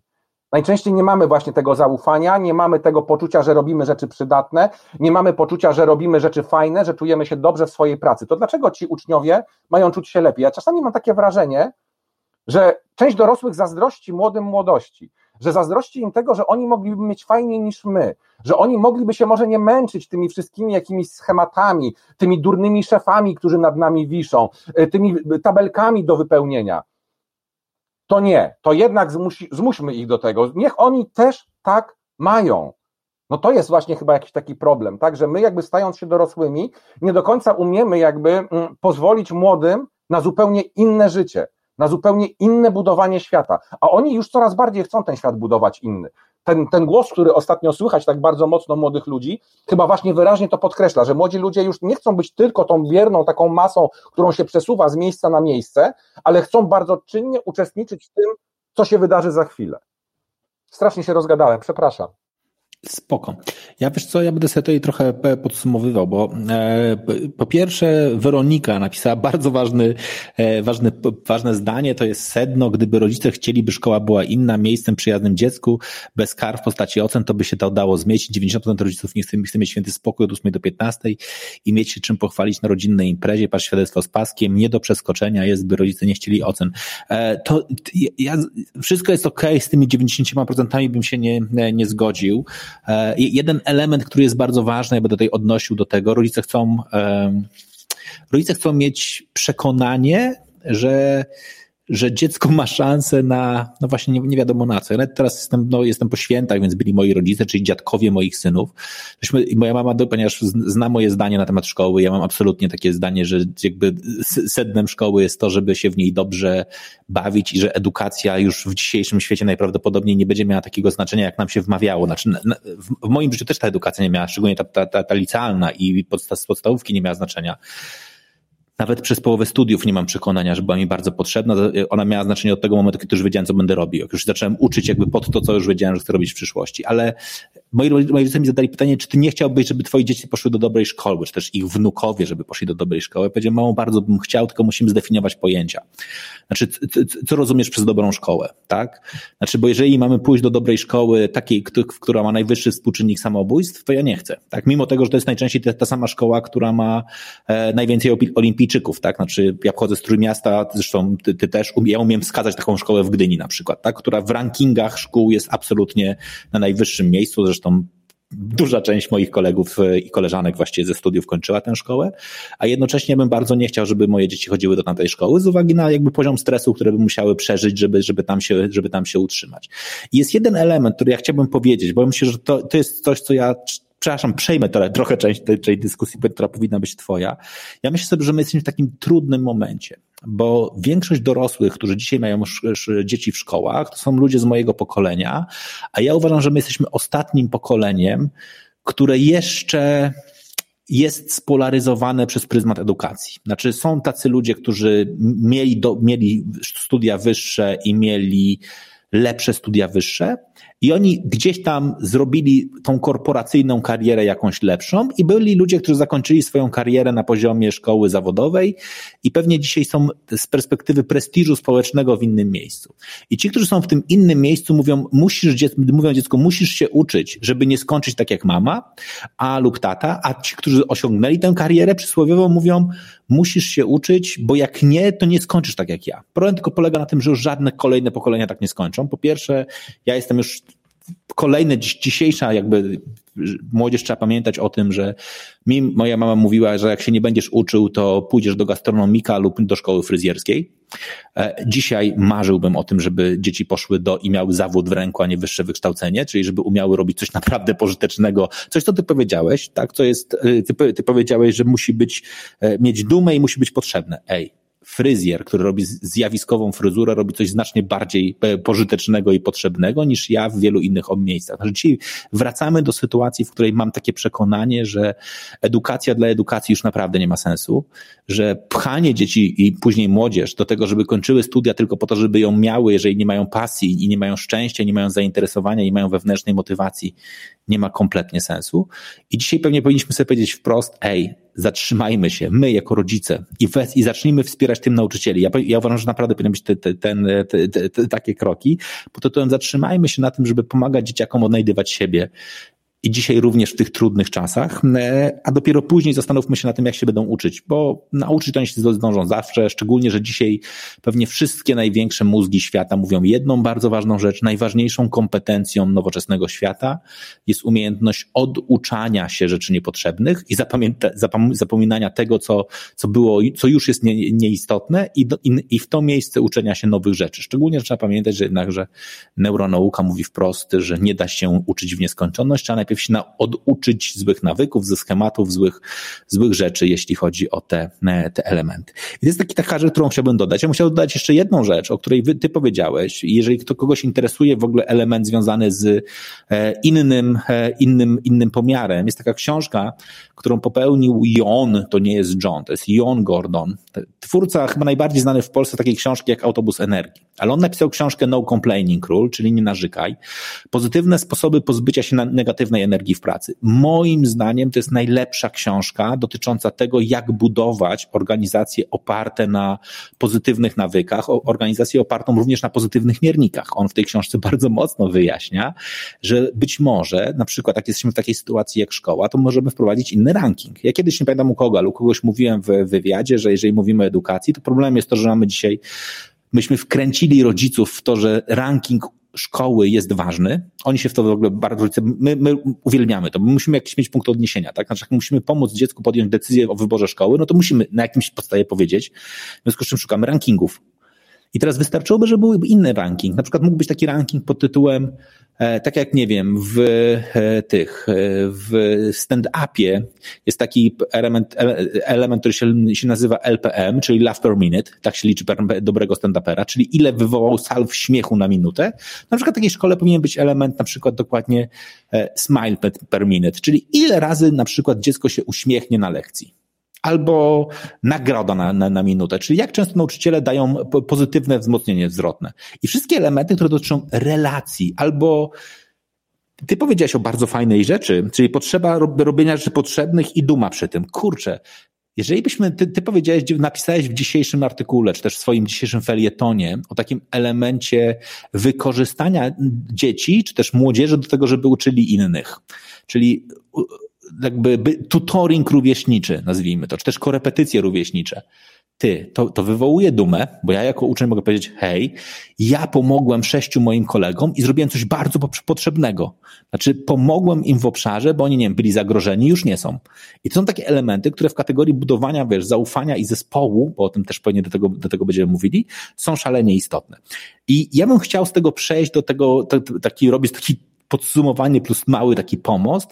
Ja bym chciał przejść dokładnie do tego elementu, o którym ty dzisiaj też e, popełniłeś, a mianowicie o dyskusji o wyzwaniach emocjonalnych, bo moim zdaniem mamy trzy elementy, które dzisiaj też już po, po, po, w, tej, w tej dyskusji padłeś. Po pierwsze alkohol i narkotyki. E, Pandemia pokazuje, że pijemy więcej. E, ja na nieszczęście albo na szczęście swoje mam kilku klientów, którzy są producentami alkoholi i mówią, że mają absolutnie najlepsze wyniki w historii. I pijemy więcej z trzech powodów. Pierwszy powód jest taki, że pijemy więcej wieczorem, mówię o dorosłych, dlatego, że nie mamy obaw związanych z tym, że jedziemy do pracy, bo jak jesteśmy na home office, to nie mamy lęku, że nas zatrzyma policja, bo jak wypijemy trzy butelki wina wieczorem lub jedną wódkę, to rano był stres jechać samochodem, bo nas złapiemy na podwójnym gazie. A tutaj generalnie jest w rzadko którym domu między sypialnią a dużym pokojem stoi policjant, który mówi dmuchamy. Znaczy to, to się raczej nie zdarza, więc to jest pierwszy element. Drugi element jest taki, że jak, ponieważ często jesteśmy na home office, to pijemy szybciej, czyli zaczynamy od 13 za przeproszeniem lub jeszcze wcześniej, a ci, którzy chodzą do pracy, i to jest bardzo, i to pokazują dużo, dużo ludzi, którzy zajmują się BHP w firmach, mówią, że ci, którzy przychodzą na przykład na budowach, jest dzisiaj duży problem, ludzie chodzą w maseczkach. A chodzenie w maseczkach powoduje, że spokojnie można sobie dziabnąć i generalnie maseczka powoduje, że tylko ty czujesz, że masz odór alkoholu, a nie wszyscy pozostali. I to, to wszystko spowodowało, że niestety jest tego więcej. Ale to też oznacza, że po pierwsze dzieci widzą, niestety, że my częściej pijemy, no i ta młodzież, czy też young adult, o których ty powiedziałeś, też ma taką większą pokusę. No, ja w szkole średniej, dzisiaj pewnie mogę o tym mówić głośno, biegałem na, na dużej przerwie do, do sklepu po to, żeby wypić kruszona, e, ale a genera i nie robiłem tego na szczęście codziennie, ale raz na jakiś czas trzeba było, trzeba było zaimponować kolegom, to dzisiaj faktycznie też można to zrobić i można to robić absolutnie jakby w sposób bardziej, bardziej trudny. A z drugiej strony to są ewidentne po, po, wyzwania i problemy, nie jedyne, a powszechny dostęp do pedagoga, powszechny dostęp do psychologa totalnie nie istnieje. Mało tego, nie ma chyba cały czas publicznego przyzwolenia na to. Znaczy, ja mam takie przekonanie, że jak nie wiem, staram się publicznie mówić o tym, że jestem w stałym procesie terapeutycznym, mimo tego, że jestem psychologiem, to nie tylko chodzi o moją superwizję, ale oprócz tego, że mam po prostu, oprócz swojej superwizji, jestem non-stop, znaczy jestem, dobra, nie non-stop, jestem w regularnych procesach terapeutycznych, po to, żeby sobie porządkować różne rzeczy, to cały czas mam przekonanie, że jak, nie wiem, wiele lat temu pierwszy raz powiedziałem o tym, że skończyłem psychoterapię, to wiele ludzi na mnie patrzyło i mówiło, Wojtek, ale jak to? Przecież ty, ty, ty w ogóle, ty psychoterapię, ty, ty jesteś psychologiem, nie masz mieć psychoterapię. No, między innymi jeden z wymogów mojego zawodu jest to, żeby, żeby przejść psychoterapię. Ale czy, czy jest szansa na to, żeby zacząć popularyzować w pozytywnym tego słowa znaczeniu gotowość do proszenia o pomoc? To jest znowu jeden z elementów zaufania, że młody człowiek jest gotów poprosić o pomoc, czyli pójść do specjalisty. E, I żeby to nie było e, stygmatyzujące, żeby to nie było tak, e, poszedł do psychologa, lub druga rzecz, żeby szkoła nie, nie straszyła tym, tak? No bo ja jeszcze jestem z tego pokolenia, że u mnie, u mnie w szkole było tak, Wojtek, jak będziesz niegrzeczny, to pójdziesz do pedagoga, tak? I w ogóle to, to ja już, ja już wolałem iść po kredę do pani, do pani woźnej niż na konsultację do, do pedagoga. I tutaj jest kilka pytań. Chciałbym zakończyć tym ostatnim i od niego zacząć. Co zrobić, żeby zacząć zachęcać młodzież, dzieci i, i również rodziny być może do tego, żeby sięgali do, po pomoc. Czy szkoła powinna mieć taką funkcję również oswajającą z profesjonalną po, po pomocą psychologiczną?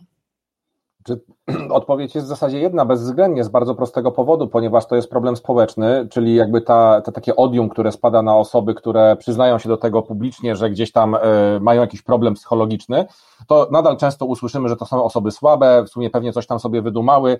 Ciągle problemy psychologiczne, psychiczne są traktowane jako zupełnie inne niż te, które są związane z ciałem. Jeśli chodzi o ciało, można mówić o, w zasadzie o większości spraw i to jest nawet takie, no, nawet szacunek się pewien zyskuje, że no, to, to jest coś, tak, to jest jakaś konkretna choroba, e, to tutaj można jakby tam e, wspierać. Natomiast no, psychologiczne, jakaś depresja, jakieś e, myśli samobójcze, jakiś obniżony nastrój, ale to już tak obniżony, że w zasadzie już nic się nie chce, spadek motywacji, co to są za problemy? To nie są problemy, trzeba się wziąć w garści i tak dalej. Czyli, bo młodzi ludzie zrobili takie badania, których oczywiście nie, nigdy nie zrobi żadne ministerstwo w tym kraju, które wyraźnie pokazały, że właśnie młodzi ludzie nawet może by i poszli do tego psychologa, ale często się wstydzą bo to już nie tylko chodzi o to, że tych psychologów w szkole nie ma i ciągle będę twierdził, że trzeba jakby przestać też powtarzać te hasła, że, każdy, że w każdej szkole ma być psycholog, bo nie będzie, bo ich nie ma, ich po prostu nie istnieje tyle osób e, z wykształceniem konkretnym, jeśli chodzi o psychologię dziecięcą, żeby ich umieścić w szkołach, nawet gdyby chcieli tam przyjść, to ich nie ma, tak po prostu. Dopóki ich się nie zacznie jakimś nowym programem zachęcać do tego, żeby się kształcili, to zapomnijmy o tym, że ci psychologowie w szkołach będą. Co trzeba zrobić? To rozwiązania są w zasadzie jakby dwa. Jedno jest na wyciągnięcie ręki, drugie w zasadzie też. To znaczy, e, przede wszystkim jakby wzmocnienie funkcji funkcji pedagoga w szkole, bo w każdej szkole musi być pedagog, tak? No to przynajmniej ta funkcja jakby jest, tak? Pedagog nie może być, tak jak powiedziałeś bardzo trafnie, y, y, y, elementem karania znowuż ucznia za coś i wysyłaniem ucznia do pedagoga z powodu, bo coś tam złego zrobił, tylko pedagog tutaj musi jakby troszeczkę przejąć takie te obowiązki osoby, która jest tą, tym buforem między uczniami a nauczycielami, tak? Musi jeszcze bardziej jakby wzmocnić swoje działania na tym polu, ponieważ on tam jest, on jest realnie w tej szkole, tak? I to jest bardzo istotne i trzeba jakby skupić się na tych zasobach, które mamy, tak? Czyli przestać jakby rozważać to, czego nie mamy, a skupić się na tym, co mamy. A druga rzecz moim zdaniem jest jeszcze ważniejsza, bo pedagog nadal jest jeden, a nauczycieli w szkole każdy jest dużo, dlatego będę do znudzenia powtarzał, że rozwiązaniem, które powinno być wdrożone, czyli pieniądze, które idą na jakieś idiotyczne programy szkolenia WF-istów, szkolenia nauczycieli z byle czego, trzeba, y, znaczy byle czego w tym sensie, że ci nauczyciele to już wiedzą, bo nauczyciele WF-iści wiedzą, jak y, jakby prowadzić zajęcia i nie trzeba wydawać pieniędzy, żeby im to jeszcze raz to samo powiedzieć. Ale co trzeba zrobić? Nauczycieli jest na tyle dużo, że w każdym gronie, obojętnie czy to będzie wspaniałe grono, czy może mniej wspaniałe, to znajdą się tacy, którzy mogą zostać tutorami. Zostanie tutorem to nie jest jakby, to nie są dwa lata studiów podyplomowych, to nie są nawet dwa semestry studiów podyplomowych. To jest owszem dłuższy kurs niż jedno, dwu, trzy, czterogodzinny, trzeba się na to nastawić. Natomiast e, ten kurs dobrze przeprowadzony daje jednak pewną podstawę do czegoś, co wydaje się banalne, czyli umiejętnej rozmowy i umiejętnego słuchania, bo to są dwie podstawowe rzeczy, które potrafić powinien tutor, tak? Tutor to jest dorosły człowiek, który nie jest nauczycielem bezpośrednio, e, nie jest pedagogiem, psychologiem, trochę staje jakby z boku, jest mądrym dorosłym. Oczywiście ideałem byłoby, żeby tutorzy mieli swoje jakby banki, których istnieją, tak mówiąc najprościej, i żeby obejmowali opieką tutorską uczniów z obcej szkoły, żeby nie obejmowali tych uczniów, których mają. No to by było idealne rozwiązanie, ale ono jest trudne i niepotrzebnie w tej chwili nam utrudniałoby działania. Natomiast no, to trzeba jakby przełożyć na nauczycieli, którzy w danej szkole są.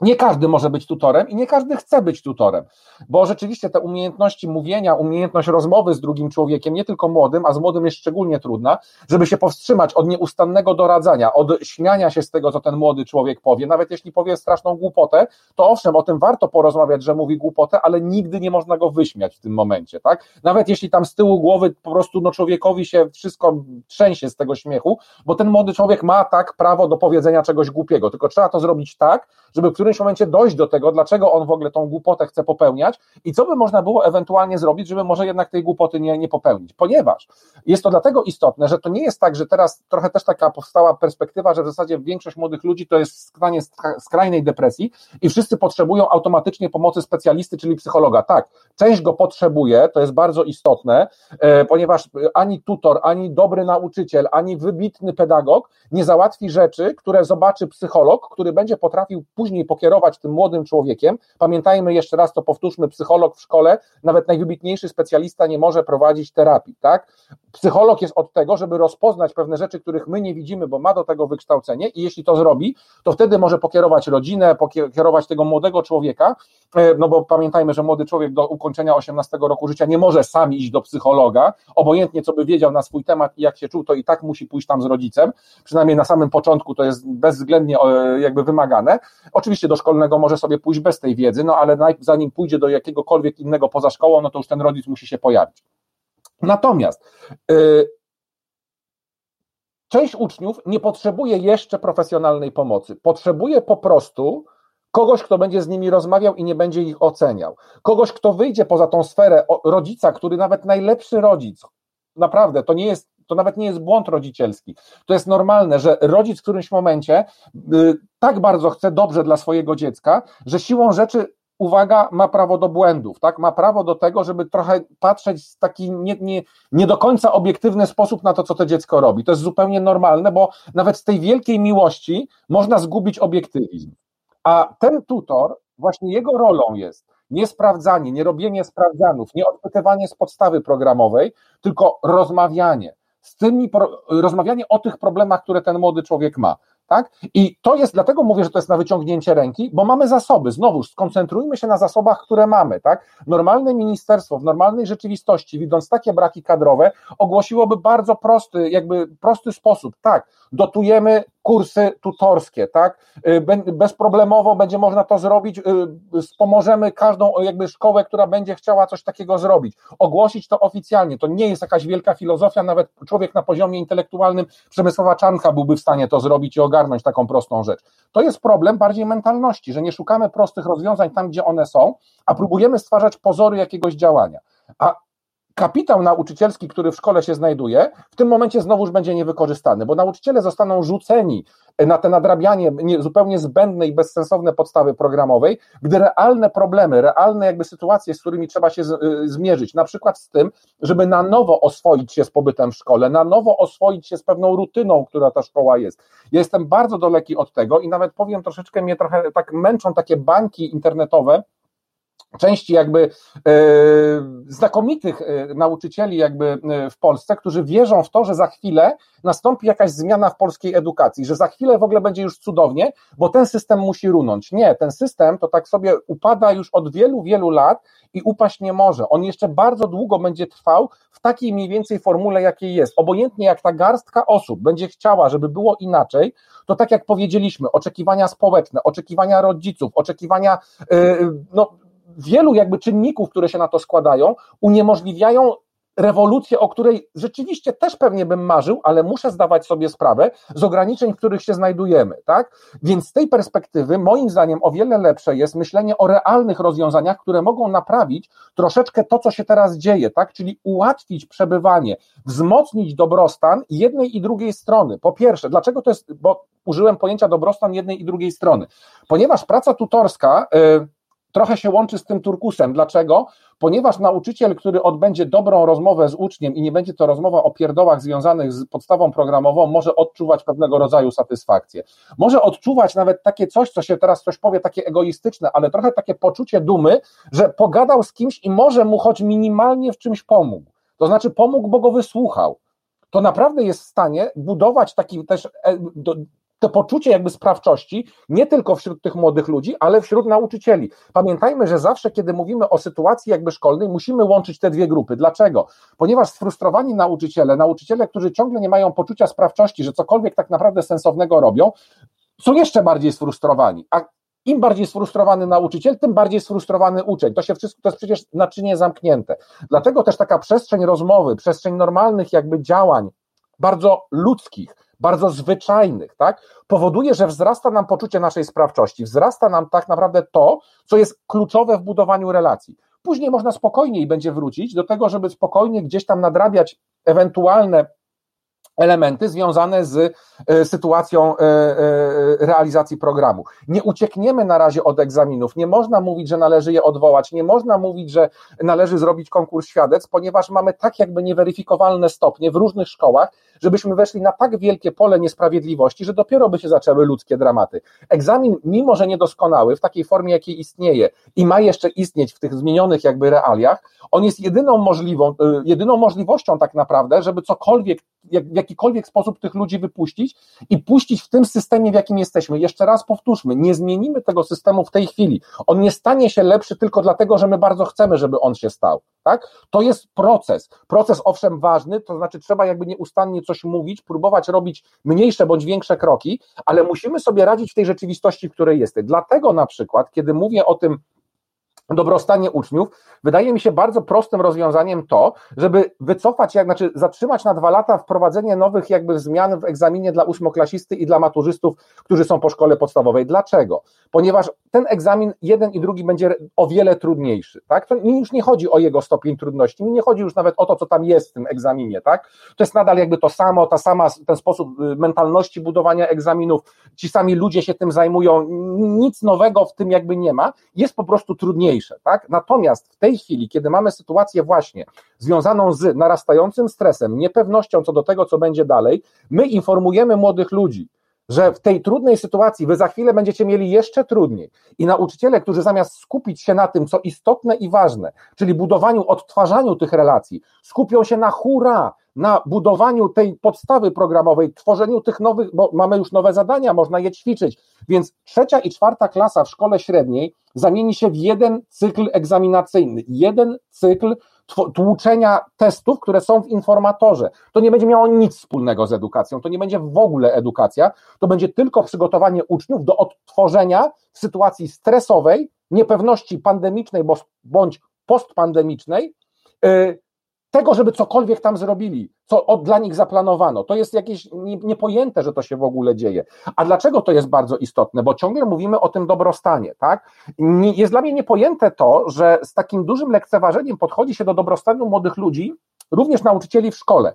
To jest te miejsce, z którego powstaną za chwilę kolejne kadry, kolejne, y, jakby kolejna grupa, która będzie współtworzyła tę naszą rzeczywistość. Dlaczego jesteśmy, dlaczego tak łatwo zgadzamy się na to, że w szkole ma powstać jakby przekonanie, że po pierwsze nic ode mnie nie zależy, jestem traktowany jak jakiś półgłówek, któremu narzuca się wszystko z góry, y, nikt nie słucha tego, że w jakiś sposób czuję się źle, nikt nie wprowadza mi się egzaminy, które będą dla mnie trudniejsze, kiedy ja jestem w trudnej sytuacji, bo jest pandemia i mam edukację zdalną, nikt nawet nie próbuje ze mną rozmawiać na na ten temat, dlaczego tak być nie powinno. Tak? Czyli jak, jaką my grupę ludzi jakby wytwarzamy z tej szkoły? Wiecznie sfrustrowanych, wiecznie zestresowanych, bo istnieje takie przekonanie, że stres jakby rodzi, znaczy nie wiem, wielkiego, wybitnego człowieka, że y, życie bez stresu, y, ja nie mówię każdego stresu, ale takie w ogóle, jest jakimś kiepskim życiem, że człowiek powinien nieustannie w jakimś znoju i mozole dążyć do jakiegoś sukcesu znowuż mówimy o tym, że nie umiemy odwrócić jakby proporcji, tak? Czyli zamiast skupić się na tym, że my najpierw się czujemy dobrze, a dopiero później osiągamy te różne sukcesy, bo w każdej organizacji i dla każdego człowieka sukces jest troszeczkę czymś innym, tak? Więc dopiero po tym momencie, kiedy zbudujemy swoje te podstawy, swoje poczucie jakby siły, tej energii, jakiejś pewności siebie, zaczynamy osiągać rzeczy, to my w szkole robimy na odwrót. Wrzućmy wszystkich do tego samego worka, dajmy im te same wymagania, te same oczekiwania, postawmy ich przed tym samym stresem wszystkich i czekajmy, co z tego będzie. No, żeby było najgorsze jest w tym wszystkim to, że to jest w stanie działać. To znaczy, to działa tak od dłuższego czasu, tak? Siła inercji, której, która dotyka polską szkołę i y, sposób myślenia o polskiej szkole, tak? Powoduje, że my w jakikolwiek sposób nie jesteśmy w stanie jakby ruszyć z miejsca. Dlatego też mam wrażenie, że nawet te takie rewolucyjne pomysły, one jeszcze bardziej osadzają niektórych w miejscu. To znaczy, y, ludzie zaczynają się bać trochę tych takich pomysłów, jakby są przestraszeni, że o kurde, to można by było aż tak inaczej. Przede wszystkim to by oznaczało, że cały ten taki wysiłek, który został włożony w budowanie tego modelu szkoły, był tak naprawdę w pewnym sensie wysiłkiem bez sensu. Ale prawda jest też taka, że kiedy my powiemy, że tak naprawdę powinniśmy robić inaczej, że powinniśmy tak naprawdę zmienić tę rzeczywistość, to wcale nie kwestionujemy tego, co było. Ja jestem bardzo daleki od koncepcji on chyba Iwan, Iwan Ilich się nazywał od szkolnienia społeczeństwa, tak? Teraz się to robi coraz bardziej modne, czyli w ogóle generalnie jakby szkoła prawie, że nie powinna istnieć, powin, każdy jakby powinien mieć prawo jakby prezentowania swojej wiedzy, a ludzie by sobie z tych jakby kanałów tej wiedzy korzystali. To jest oczywiście piękne, bo prawda jest taka, jak ty powiedziałeś, to znaczy ja się, ja, ja to sparafrazuję, ja nie nauczyłem się bycia nauczycielem w szkole, ani na studiach, tylko nauczyłem się bycia nauczycielem, jak poszedłem do pracy. I to mi zajęło tam kilka lat, tak? A może nawet kilkanaście. E, w szkole nic mnie tego nie nauczono w tym zakresie, tak? Na studiach tym bardziej. I tak jest w wielu przypadkach. Tylko, że to nie oznacza, że y, pewne podstawy, które gdzieś tam zdobyłem, pewne elementy, które we mnie tkwiły, są zupełnie nieistotne i trzeba jakby to wszystko przekreślić. Ja uważam, że jakby takie działanie jakby pośrodku, tak, to znaczy budowanie jakby szkoły jako miejsca, zwłaszcza w czasach, kiedy żyjemy w dobie fake newsów, postprawdy, kiedy tak naprawdę nie wiemy, kto tak naprawdę mówi prawdę, a kto nie, musimy zweryfikować. To było bardzo przejmujące wczoraj, kiedy umierał Krzysztof Krawczyk. Kilkakrotnie sprawdzałem informacje, czy aby na pewno Krzysztof Krawczyk umarł. I jak czytałem komentarze osób, mam na myśli dziennikarzy, mam na myśli e, powiedzmy takich autorów jakby treści, to też było widać pewnego rodzaju niepewności, czy on aby na pewno nie żyje, czy może jednak to jest fałszywa informacja. I e, z jednej strony działo się coś takiego no, bardzo smutnego, bardzo jakby e, niedobrego, a z drugiej strony ciągle jakby z tyłu głowy było pytanie, czy aby na pewno to jest prawdą. Moim zdaniem szkoła gdzieś właśnie w, tych, w tym świecie powinna istnieć, jako miejsce, które potrafi, daje człowiekowi szansę na weryfikację, daje człowiekowi szansę na bycie krytycznym, ponieważ mam podstawy wiedzy. Nie uciekałbym od pewnych takich elementów, które często teraz się mówi, że są może zbędne. Jestem daleki od tego, żeby twierdzić, że każdy uczeń usiądzie przed internetem, odpali TEDxa i się z niego nauczy. To jest nieprawda. To jest znowuż jakaś wizja zupełnie idealistyczna, która nie ma do końca związku z rzeczywistością. Nie możemy zapominać o tym, że są ludzie ubożsi, że są ludzie, którzy są odcięci od tego takiego naszego, takiej, takiej naszej bańki kulturowej, w której my żyjemy, tak? To szkoła powinna dawać im właśnie tę szansę, żeby to zobaczyć. Oni już sobie później z, z czasem z tym poradzą, ale jeśli tego nie dostaną, a właśnie szkoła jest takim miejscem, to będą mieli bardzo duży problem tak? Żeby samodzielnie to zrobić. Nawet nie wszyscy zdolni uczniowie są w stanie się samodzielnie zmotywować. Rozmawiałem ostatnio właśnie z uczennicą bardzo zdolną. Ja w zasadzie moja rola się ograniczyła w jej tam działaniach do jednej rzeczy. To znaczy, ja ją notorycznie, wręcz z uporem maniaka na, na, zachęcałem, żeby ona coś zaczęła robić. To już nieistotne co. I ona ciągle tego nie robiła. E, no i tak sobie dyskutowaliśmy o tym, dlaczego ona tego nie robi. I w którymś ona, momencie ona to zrobiła i to był pewien efekt, który został osiągnięty na pewnej drodze, tak? I ona wtedy jakby powiedziała, że dziękuję mi, że ja ją w końcu do tego zmusiłem. Bo ona inaczej by tego nie zrobiła, tak? To nie jest tak, że każdy człowiek jest w stanie się sam zmotywować. To jest troszeczkę tak, jak z tym, wracając do tego, co powiedziałeś, tak? Z tym piciem, z używkami, z różnego rodzaju rzeczami, które jakby stają na naszej drodze. Skoro tam rozumiemy, że nie każdy jest w stanie sobie pomóc sam, że potrzebuje jakby tej pomocy, tak? Tak samo jest w szkole Nie każdy człowiek jest w stanie sam się wszystkiego nauczyć. Od tego jest właśnie jakby mądra szkoła, mądra edukacja, mądrzy nauczyciele, żeby stać obok swoich uczniów. Owszem, dawać im szansę na to, żeby robili jak najwięcej sami, co w Polsce oczywiście jest dziwne, no bo ja czasami mam takie poczucie, że jak na przykład spędzam powiedzmy 45 minut i praktycznie nic nie robię, tylko się gapię na uczniów, bo oni coś robią, to już czuję z tyłu głowy spojrzenie społeczeństwa, które by mnie zobaczyło w tej chwili i się zaczęło zastanawiać, za co ja dostaję pieniądze, skoro stoję i się w ogóle nawet nie odzywam to czym ja się zajmuję w tym momencie, tak? Ale to jest istotne, że ja tam jestem, bo to w jakiś sposób też ich prowokuje do tego działania, tak? Nie mam stuprocentowej pewności. Oczywiście czasami nawet jak była jeszcze normalna szkoła, zdarzało mi się nawet wyjść, to nielegalne jest wyjście z klasy.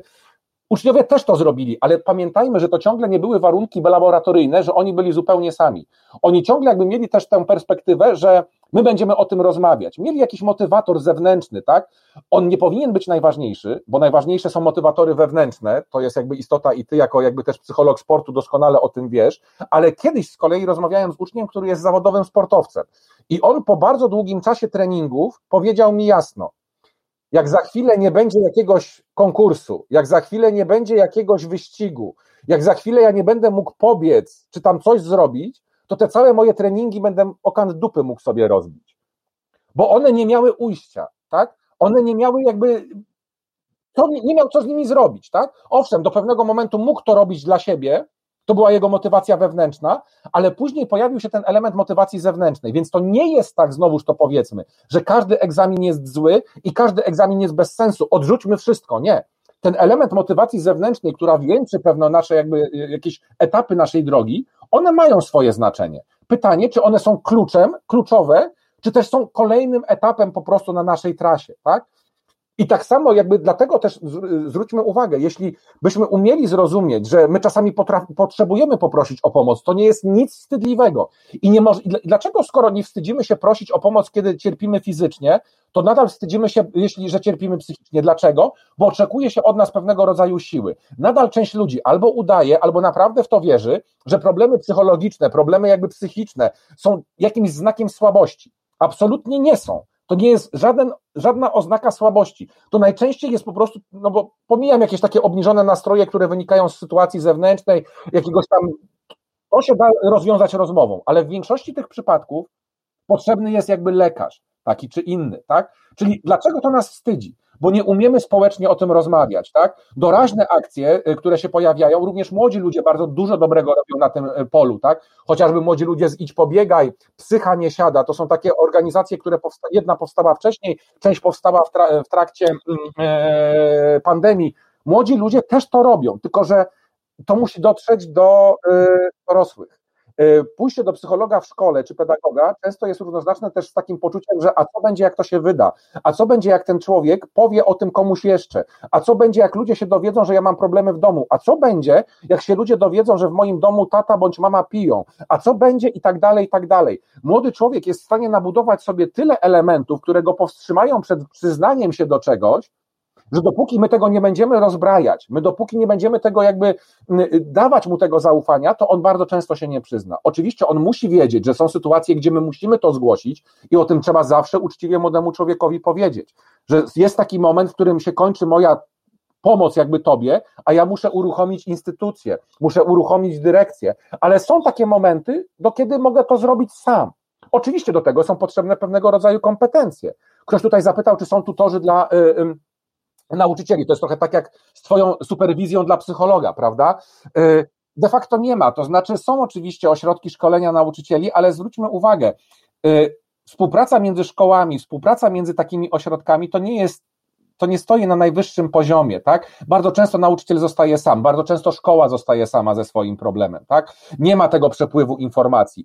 I to się później przekłada na społeczeństwo, tak? Szkoły to troszeczkę takie samotne wyspy, później my w tym społeczeństwie też jesteśmy gdzieś tam rozprzestrzenieni. Nawet jak teraz spojrzymy na takie dosyć rewolucyjne jakby rozwiązania w polskiej szkole, to nadal są to rzeczy bardzo rozproszone, tak? Nie ma jakby takiego mm, ogólnego nurtu, ogólnego jakby, ogólnej jakby chęci takiej większej, większej mobilizacji. Nie tych nauczycieli, którzy są rozpoznawalni, ale nauczycieli, którzy moim zdaniem są istotą tego jakby zawodu, to znaczy tych, którzy są nierozpoznawalni, a wykonują świetną pracę w szkołach, tak?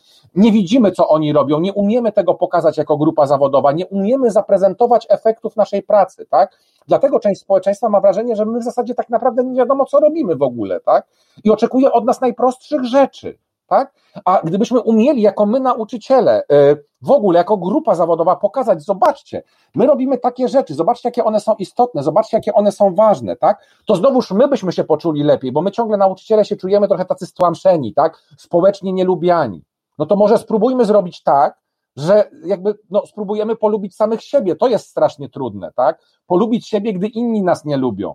No ale może jako nauczyciele powinniśmy próbować coś takiego robić, a później próbować przekazywać to uczniom. Jest tyle tych zależności między byciem w szkole, byciem nauczycielem, byciem uczniem, które wiążą się ze społeczeństwem, y, że to są jakby nierozerwalne jakby y, elementy, które to łączą. I kiedy ty mówisz na przykład o alkoholu, mówisz o narkotykach, to nie chodzi o to, żeby zrobić pogadankę o tym, słuchajcie, nie, alkohol szkodzi. No błagam. To, to już nie te czasy, że to na kogokolwiek podziała, tak?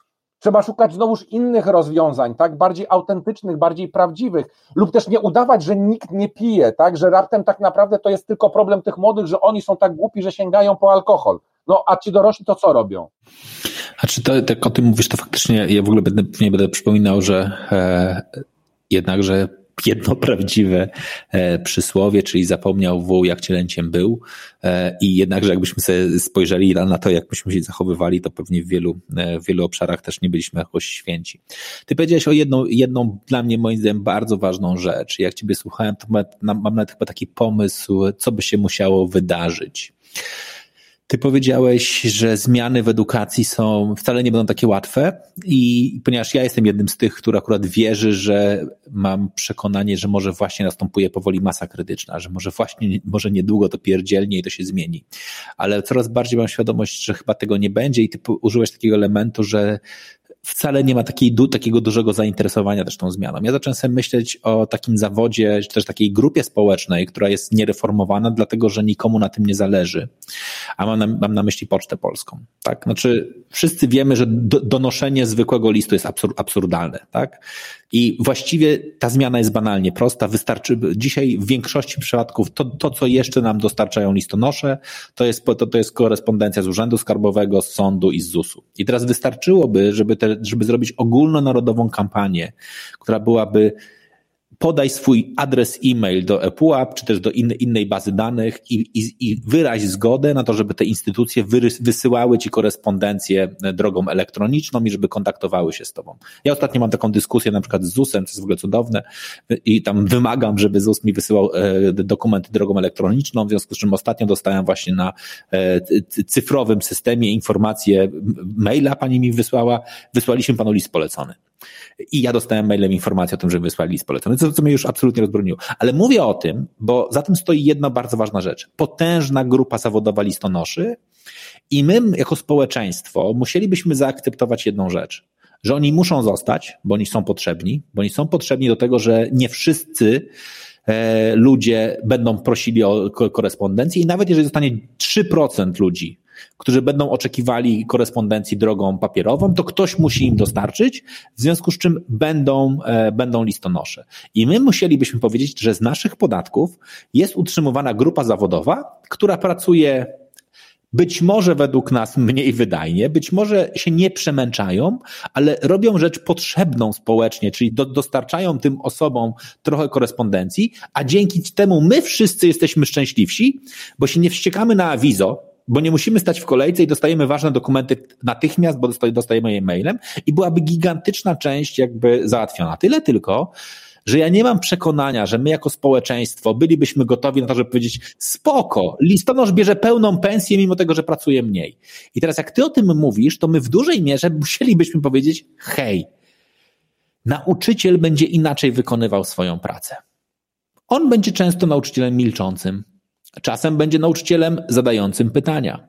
Czasem będzie takim, takim nauczycielem jak Hera w tym programie, tak? Sobie zaprasza mądrego gościa, siedzi i słucha. Raz na jakiś czas spuentuje, raz na jakiś czas zada jakieś kolejne pytanie, ale nie przemęcza się. A mądry jest gość, bo w klasie najmądrzejsi są uczniowie. I teraz my musimy zrobić to, żeby byli jeszcze mądrzejsi, czyli na przykład, żeby jeszcze więcej się przygotowywali, żeby jeszcze więcej uczyli się między sobą, a rolą nauczyciela jest tylko monitorować, wspierać, zachęcać, prowadzić tutoring, ale jednocześnie być czujnym.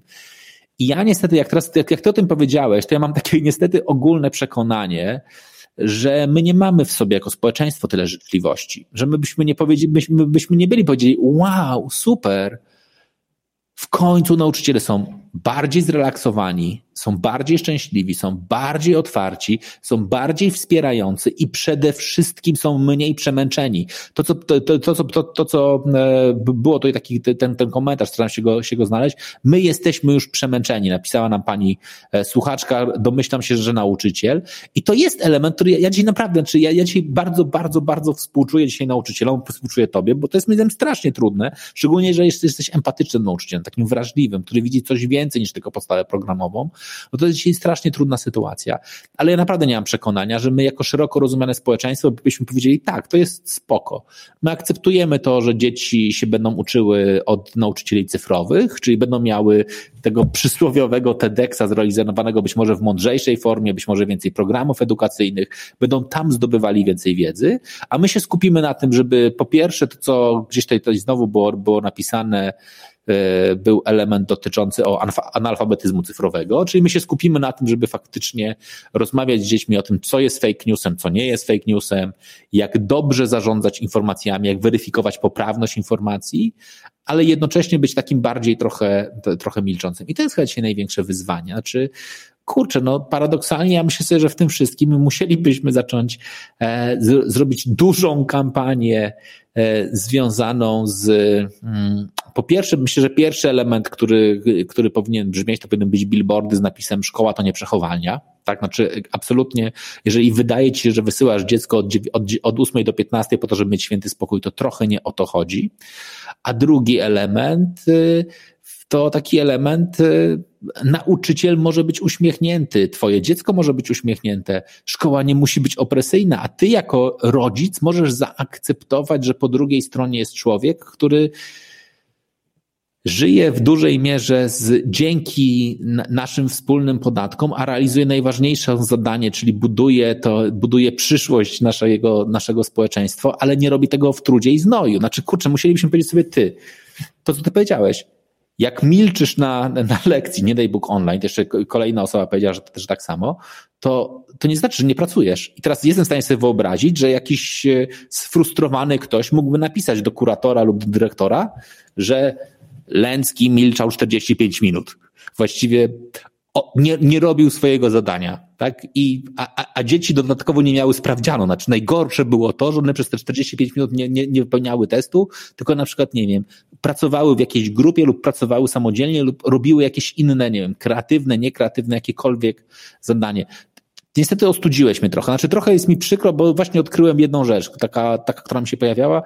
Ja nie wiem, czy my, my jako społeczeństwo jesteśmy zainteresowani tą reformą, bo, bo podstawą tej reformy powinno być powiedzenie sobie spoko, przez pewien czas akceptujemy, że będziecie e, inaczej wykonywali swoją pracę i ona będzie dalej bardzo potrzebna, mimo tego, że część elementów na przykład ze ocenianiem i dostarczaniem wiedzy będzie realizowana in, inaczej, ale skupimy się na czymś zupełnie innym.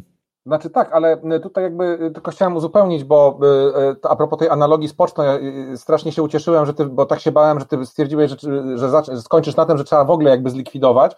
Bardzo mi się podobało właśnie te utrzymywanie tej części korespondencji. Ja ostatnio z wielkim zdumieniem odkryłem, że istnieje grupa młodych ludzi, która pisuje do, do siebie listy papierowe, e, czyli jakby omija troszeczkę tą sferę taką cyfryzacyjną i jakby poszukuje tych nowych, roz, znaczy nowych, starych rozwiązań, żeby wyjść trochę z tej sfery cyfrowej i pewnie to się może nawet wzrastać w najbliższym czasie, bo jakby ten, ten przesyt jakby tą elektronicznością powoduje, że idziemy trochę też w tamtą stronę. Jeszcze jedna rzecz, to nie jest tak oczywiście, żeby tak nie wyszło, że ja tylko milczę, tak? Ja jestem na, na przykład wielkim fanem, e, albo inaczej, bardzo denerwuje mnie takie e, e, uwzniaślanie nowoczesnych metod nauczania totalne, to znaczy na przykład wykład to już coś bardzo złego. Nie, to nieprawda, to nie chodzi o to, że wykład jest czymś bardzo złym. Dla niektórych uczniów, a nawet dla większości, wykład może być fascynujący, tylko musimy sobie powiedzieć jedną taką mało przyjemną prawdę.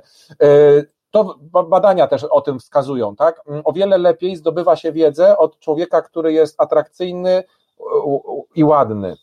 I ładny mam na myśli, ładny swoim uśmiechem, ładny swoją osobowością, ciekawy tym, jaki jest i tym, jak jest w stanie pobudzić ciekawość umysłu do tego, żeby w ogóle ten umysł był w stanie się z tym zainteresować, tak? To jest oczywiście takie niefajne, bo to oznacza, że są też tacy ludzie, którzy tacy nie są. No niestety tak, i to też trzeba trochę brutalnie przyznać, że tak jest, że są ludzie, którzy są na przykład nudni.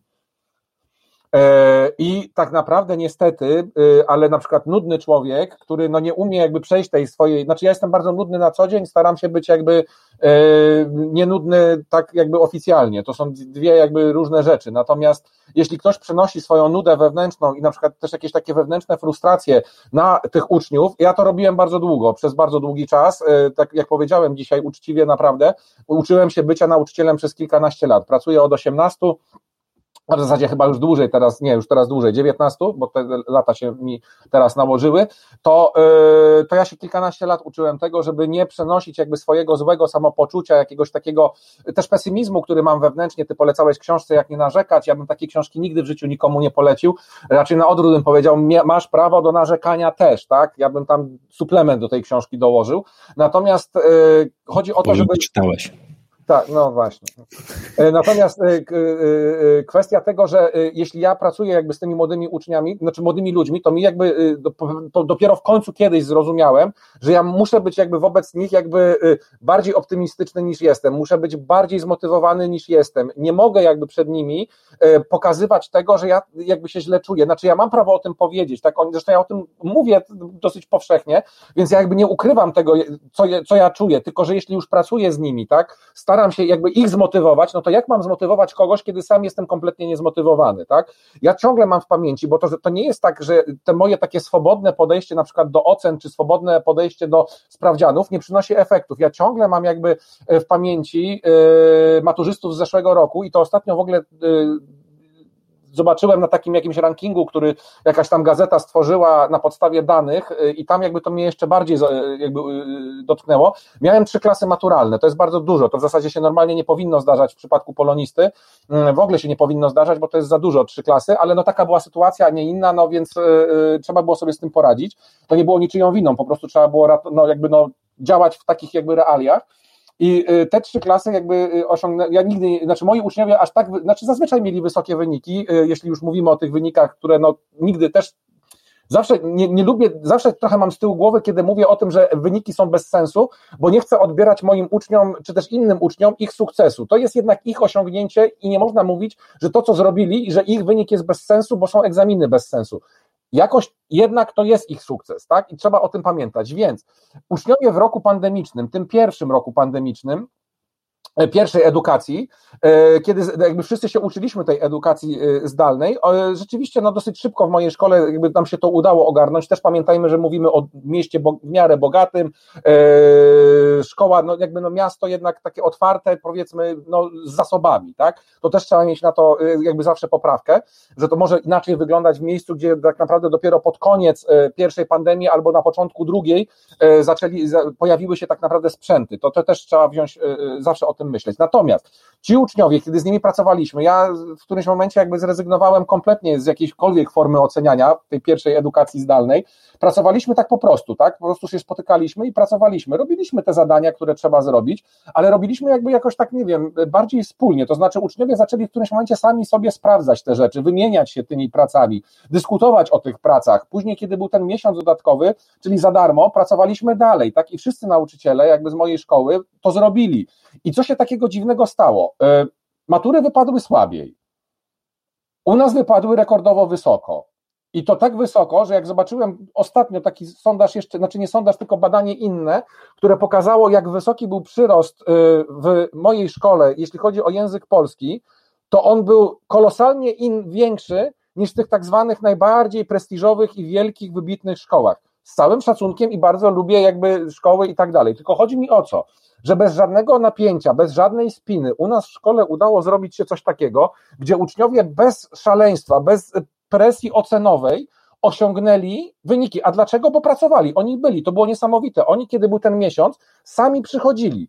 To znaczy przychodzili, no łączyliśmy się, tak? Tam było po dwadzieścia parę osób, czyli wiadomo, no jakaś grupka nam trochę odpłynęła, ale przytłaczająca większość klas brała udział w zajęciach. Sami z siebie, nie musieli, już skończyli szkołę, nie byli już uczniami, ale z jednej strony ja jakby poświęciłem im ten czas, bo uważałem, że tutaj nie ma jakby nad czym dyskutować. To po prostu było normalne. Jest pandemia, nie wiem, może umrzemy wszyscy, nie umrzemy, trzeba działać. Chociaż tyle mogłem zrobić. Jakbym był lekarzem, pewnie bym pracował w szpitalu. No nie jestem lekarzem, więc się nie pchałem po szpitalach, więc próbowałem przynajmniej robić to, co potrafię. To też jest w organizacji turkusowej taka ważna rzecz, że nie każdy musi umieć wszystko, tak jak uczeń szkoły średniej albo podstawowej, czyli być dobrym z każdego przedmiotu. W organizacji turkusowej każdy robi to, co potrafi i na tym się zna, nie musi znać się na wszystkim. Ja się nie znam na wszystkim, akurat to mi jakoś tam wychodziło. Więc pracowaliśmy sobie i oni osiągnęli wyniki nieprawdopodobne. Tak? Ciągle powtarzam, że nie wolno zestawiać maturzystów poprzednich z obecnymi maturzystami, ponieważ tamci byli tylko przez trzy miesiące na edukacji zdalnej, dostali miesiąc dodatkowy. Ci maturzyści, nawet gdyby dostali ten miesiąc dodatkowy, to jest akurat bardzo dobrze, że ministerstwo nie przesuwa tych matur, niech się tego trzymają i absolutnie nie przesuwają terminu egzaminów. Dlaczego? Po tamci po trzech miesiącach byli gotowi na jeszcze jeden miesiąc pracy y, zdalnej. Spokojnie, bez problemu można było to pociągnąć i to miało sens i było efektywne. To jest bardzo istotne. Teraz, gdyby maturzystom albo ósmoklasistom przedłużyć te egzaminy, nie przyniosłoby to żadnego efektu, wręcz odwrotny. Zmęczenie, które już następuje, nie tylko tych uczniów, ale też nauczycieli i wszystkich naraz, nie prowadziłoby do żadnej efektywniejszej jakby y, pracy. Więc wyniki obecnych maturzystów, którzy są cały rok tak naprawdę na edukacji zdalnej, ewidentnie będą słabsze. Jestem daleki od tego, co lubią dziennikarze opowiadać, z jednej i z drugiej strony już zauważyłem. Zarówno prawa i lewa strona dziennikarska lubuje się w terminie stracone pokolenie. Teraz chyba do rzeczy opublikowało też tekst o tym, jakie to stracone pokolenie. Oczywiście to z troski wynika wszystko, tak? Ale to jest troska jakaś dziwaczna. To w ogóle nie jest stracone pokolenie, to absolutnie nie jest stracone pokolenie, to jest pokolenie, które się po prostu znalazło w trudnej sytuacji. I to, że będą mieli słabsze wyniki, okej, okay, to w ogóle to nie jest problem. Znaczy, problem jest tylko w rekrutacji na studia, że tamten rocznik może trochę ich wyprzeć, ale to też uważam, że jakby uczelnie pomyślały, jak ułożyć rekrutację i nie łączyć dwóch roczników, to też by się dało rozwiązać, tylko oczywiście najprawdopodobniej nikt o tym nie pomyśli, bo tak jak powiedziałem, w Polsce nie jesteśmy w stanie wprowadzać prostych rozwiązań, tak? Bo nie wiem czemu, tak? E, a przecież pamiętajmy, że dzisiejsze badania opublikowane wynika, wskazały wyraźnie, że nawet studenci chcą rezygnować ze studiów, przechodzić na urlopy dziekańskie, albo w ogóle na czas ten najbliższy rezygnować, bo nie widzą sensu w tym studiowaniu. Sami jakby mówimy o uczelniach wyższych, czyli które powinny troszeczkę lepiej może ogarnąć sytuację niż szkoły średnie bądź podstawowe, tam też się nie wszystko udało, tak? Po prostu edukacja zdalna jest trudna, można sobie trochę nią lepiej radzić lub gorzej, ale sama w sobie nie jest ideałem i nigdy nie będzie, tak? To, to, to trzeba jakby wyraźnie powiedzieć. Dlatego też ja ciągle mam takie poczucie, że, bo mam przykład, mam konkretny jakby, e, zresztą moja szkoła nigdy nie była miejscem, które jakoś specjalnie jakby y, dusiło uczniów, tak, czyli jakby ścigało nie wiadomo za co. E, każdy oczywiście w mniejszym lub większym zakresie, bo to też nauczyciele jesteśmy różni, tak, natomiast e, Uczniowie często mówili o takiej jakby dobrej atmosferze. Przy wszystkich błędach, które popełnialiśmy jako nauczyciele, i na pewno często nawet ta atmosfera nam nie do końca wychodziła, to istotą było to, żeby nie szaleć z tym y, y, jakby oczekiwaniem tego, co od uczniów jakby chcemy uzyskać, tak? I to było szczególnie istotne w czasie pandemii. Myśmy po prostu rzetelnie z nimi pracowali. I na pewno wielu nauczycieli też to robiło. Czasami to nie wyszło, nie w każdej szkole to jakby tak zadziałało, ale przede wszystkim nie zadziałało to, żeby nie oczekiwać cudów, żeby nie wymyślać sobie sytuacji, że można jakby tak samo samo dążyć do takich samych efektów, jak wcześniej. Ja, u nas to wyszło zupełnie bezwiednie. Myśmy się też obawiali wyników tej matury, no bo wszyscy jesteśmy z tego rozliczani, po czym wyniki przyszły i patrzymy, że mamy rekordowe, tak? Czyli wow, no to w sumie no, sukces uczniów niebywały, tak? No, trudno się z tego nie cieszyć, no, no przecież no, to było ich osiągnięcie, ale oni to wypracowali. Po prostu, bo to je, rzeczywiście jak uczeń chce, jak uczeń pracuje, to w ramach tej edukacji zdalnej też jest w stanie osiągnąć pewnego rodzaju wyniki. Oczywiście mówimy, jeszcze raz powtarzam, o krótszym czasie edukacji zdalnej, a nie o tak długim jak teraz. Natomiast ciągle nie możemy, bo czasami jest też taka grupa osób, która właśnie pokazuje, że no trzeba pokazywać tylko te pozytywne przykłady. No nie do końca, znaczy o nich trzeba mówić, ale trzeba pamiętać o uczniach, którzy gdzieś tam zniknęli z tej edukacji, tak? Gdzieś się w ogóle rozpłynęli w przestrzeni. Ministerstwo nie robi żadnych badań na ten temat. My nawet tak naprawdę nie wiemy, ilu jest tych uczniów, którzy w ogóle tak naprawdę nie brali udziału w tej edukacji. Pamiętajmy, że rynek w tej chwili korepetycji i kursów to jest żyła złota. To jest przerażające, co się dzieje. Będzie tak, a, a nie będzie mniej, będzie więcej. Będzie o wiele więcej, bo ten rocznik jeszcze skończy tą maturę, będzie jeszcze jeden z maturą tą starą i wejdzie rocznik z nową maturą korepetycje i kursy to będzie podstawa. I teraz zobaczcie Państwo, co się wydarzy. E, ci młodzi ludzie siedzący w tych szkołach i tak już bardzo długo, tak najczęściej po około 8 godzin, tyle co w pracy, wyjdą z tej szkoły i w większości pójdą na kolejne kursy, również w weekendy, soboty, niedzielę. Tak? Korepetycje z tego czy tamtego. To jest przecież absurdalne i w jakimś sensie było tak zawsze, nie w takiej skali jak teraz. Rozwarstwienie będzie większe, ponieważ kursy i korepetycje kosztują. Wielu ludzi na to nie stać. I y, y, to, że komuś y, jest pięknie, bo pośle dziecko na te kursy, to okej. Okay.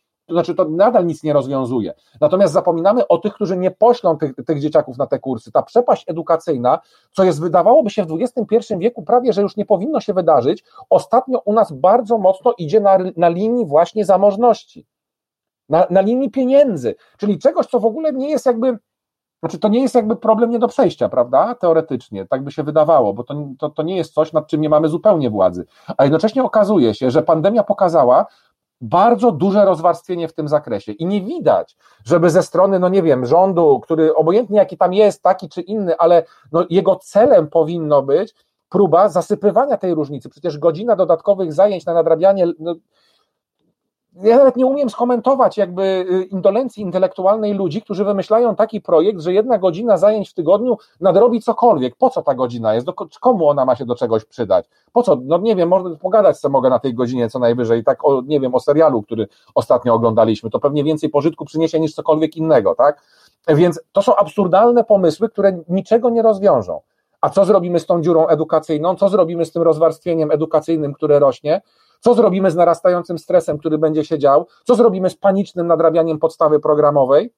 To są pytania, które przed nami stoją. Ale żeby było śmieszniej, a w zasadzie tragiczniej, to część z nich zależy od nas, znaczy odpowiedzi, od nauczycieli, tak? Bo y, na, ja, tutaj dla mnie takim dobrym przykładem było to, kiedy jeszcze poprzedni minister edukacji Piątkowski mówił, że stara się ograniczać y, papierkologię. I on naprawdę to robił, żeby było jasne. Akurat w tym się nie mylił, ograniczał. Ale kto jej nie ograniczał? Kuratoria po pierwsze, a po drugie organy prowadzące i część dyrektorów. Tam niektórzy dopiero odkryli moce fantazji. E, I to jest problem. My często na tym prostym gruncie, takim bardzo nieministerialnym, nie potrafimy sobie rozwiązać prostych rzeczy, tak? Narzucamy sobie zadania, których kompletnie nie powinniśmy wykonywać. Narzucamy sobie problemy, których nie powinniśmy w ogóle rozwiązywać, a paradoksalnie nie rozwiązujemy problemów istotnych. To jest niezwykłe, tak? I mm, to bo ja to dokładam do tego, co ty powiedziałeś. Społeczeństwo przez długi czas nie zgodzi się na nauczyciela, który nie będzie przemęczony, który nie będzie trybikiem w maszynie, tylko będzie rzeczywiście inspiratorem, który będzie jakby kimś, kto pobudza, kto motywuje, kto tworzy nowe rzeczy. Owszem, część rodziców, która też teraz myśli o edukacji domowej, myśli o szkołach demokratycznych, ale to jest nadal garstka. To jest ruch, który jest coraz szerszy, ale w stosunku do milionów jakby dzieciaków w szkolnictwie to jest garstka, tak? Więc w większości przypadków nadal będziemy robili to w ten sposób, co robiliśmy. Ale jeśli my jako nauczyciele nie postawimy w którymś momencie takiego prostego nie, kiedy dostaniemy kolejne bzdurne zadanie do wykonania, nie powiemy po prostu nie, to nic się nie zmieni. Jest jedna rzecz, tylko o której ty powiedziałeś, a znowu ostatnio toczyłem na ten temat dyskusję, która akurat jest takim bardzo dużym zapalnikiem zmiany. To są wyższe uczelnie. E, I to są wyższe uczelnie, które od zawsze miały limit przyjęć, znaczy skąd się brała liczba osób na miejsce. Tak, ona wynikała z tego, ile mogło być osób na roczniku. Tak. A, skąd, a skąd były ograniczenia rocznika? Rocznik naj, najczęściej było jakkolwiek to upraszczam, wielkość największej auli. Znaczy, u mnie, na, jak ja studiowałem psychologię, mogliśmy mieć maksymalnie 75 osób na, na Uniwersytecie Gdańskim na roku z jednego prostego powodu, bo sala wykładowa była na 75 osób. Koniec. Znaczy, jakbyśmy chcieli, to się po prostu nie dało więcej przyjąć. Jest jedna rzecz, którą wprowadziła e, pandemia, a mianowicie ona spowodowała, że liczba osób na roku w wielu miejscach jest, jest nieograniczona, bo jeżeli za, założymy, że e, wprowadzimy studiowanie hybrydowe, czyli część osób będzie miała studia tradycyjne, stacjonarne, one pewnie będą droższe w związku z tym, albo będą wymagały trudniejszego dostania się.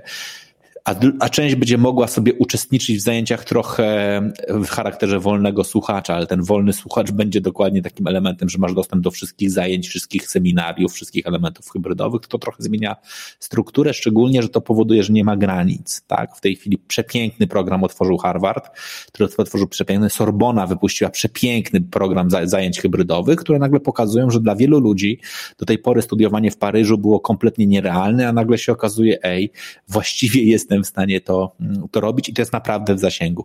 Więc to jest taki trochę element, który być może zrobi, w ogóle zrobi szachmat w, w kierunku dokładnie myślenia właśnie o tym egzaminie maturalnym, że może on faktycznie aż nie będzie miał takiego gigantycznego znaczenia i ten, i ten rzeczywisty wynik może wcale nie być taki, taki krytyczny, bo być może się okazać, że rola polskiej edukacji wyższej może być niestety, z dużym żalem to mówię, ale bardzo marginalna z, z, perspektywy ludzi z największym talentem lub też największą potrzebą rozwodu, bo oni po, po, będą wchodzili na zajęcia na Yale, będą chodzili sobie na zajęcia właśnie, nie wiem, do innej dobrej uczelni. I to jest coś, co moim zdaniem w dużej mierze to zmienia. Jest inna rzecz, którą ja absolutnie znowu rozumiem z perspektywy studenta, znaczy ja, ja, gdybym dzisiaj był na studiach, to bym na bank zażądał, czy też już dawno złożył e, wniosek o urlop dziekański z jednego prostego powodu. Nie ma sensu zajmować, studiować, jeżeli nie ma części w ogóle tego życia studenckiego. Znaczy jak można studiować, jeżeli nie masz imprezy w akademiku? Jak można studiować, jeżeli nie zaczynasz weekendu w środę i nie kończysz go w, w, w niedzielę? Jak można studiować?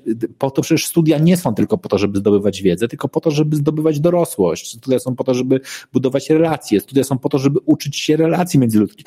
Na koniec dnia studia są po to, żeby się zakochać, rozczarować i zrobić to 17 razy. Znaczy, I te, po to samo zresztą jest liceum, i tak by, i później to przekładając, ale, ale to są rzeczy, które jeszcze się, e, które się e, się po, e, pojawiają. Powiedzcie nie. Co mamy powiedzieć nie? Uczniowie mają czekać, bo teraz nie Nie, nie to dotyczy właśnie, żeby nauczyciele powiedzieli nie. No, no to jest jakby no niemożliwe. No. Niemożliwe, albo też, też, ja myślę sobie, że też trzeba pamiętać o tym, że na koniec dnia nauczyciele są różni, bo są ludźmi i myślę sobie, że też jest grupa nauczycieli, dla których ta sytuacja jest całkiem okej. Okay. Oni się w tym odnajdują, im tak. się to podoba, e, również dlatego, że to znają, tak? I jakby ja to ja rozumiem, że to jest, że jesteśmy w stresie i teraz znowu, ja przepraszam bardzo, bardzo proszę, żeby żaden oczywiście cię to nie, nie, e, nie obraził, ale to trochę myślę, że to można porównać do tego listonosza, który kiedyś był bardzo ważny, bo on faktycznie przeszedł przez wiele, mimo, mimo tego, że jego rola się nie zmieniła, to kilka rzeczy się zmieniło. Znaczy, po pierwsze, kiedyś mu zabrali dostarczanie rent i emerytur.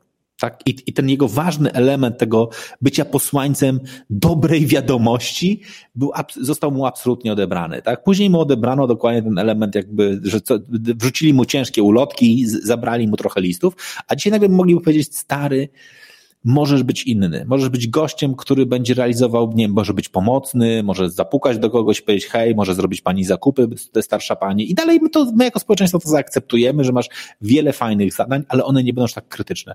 A on cały czas wspomina z rozrzewnieniem ten moment, kiedy nosił emerytury, jeszcze dodatkowo jak nosił emerytury, to było fajnie płatne, bo często panie lub panowie emeryci dawali mu końcówkę, czyli jak było tam, nie wiem, 1974, to oni mu to 4 oddawali, albo 24, albo 74, w zależności od tego, jak dużo mieli hojność. I to wszystko budowało takie, wiesz, że to były fajne czasy.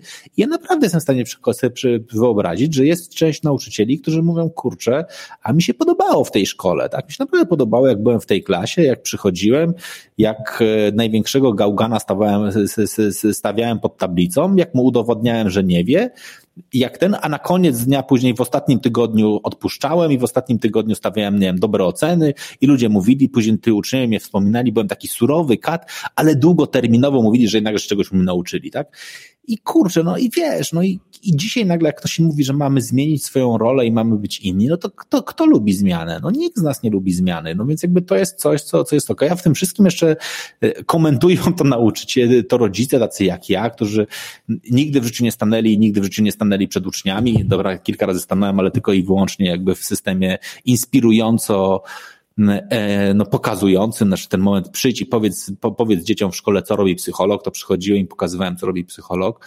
E, no ale to wiesz, są kurczę totalnie inne rzeczy. No więc jakby nie, znaczy te krzywe zmiany, które byśmy mogli sobie narysować, niestety jest cały czas jeszcze za mało, za, za dużo wektorów hamujących i te wektory są uzasadnione i one są silne, a na koniec dnia, no pewnie długoterminowo zmiana nastąpi, ale myślę, że będzie bardziej ewolucyjna niż rewolucyjna. Znaczy, ja nie wierzę w taką niestety twardą rewolucję, która nastąpi od września i my we wrześniu powiemy tada, bank, mamy narodowy system edukacji oparty o 174 kursy online, każde dziecko e, będzie miało w domu tablet, e, który będzie ufundowany przez kogo, kogokolwiek i teraz będziemy sobie ten, dodatkowo, żeby było bezpiecznie, to w każdej mm, e, gminie będzie jedna świetlica, w której dziecko będzie mogło przyjść z tym tabletem, czyli jeżeli dzieci muszą iść, znaczy rodzice muszą iść do szkoły, to dziecko będzie mogło sobie siedzieć w świetlicy i to oglądać, a raz na jakiś czas będzie tylko przychodziło na zajęcia z tutorem po to, żeby porozmawiać, co obejrzało.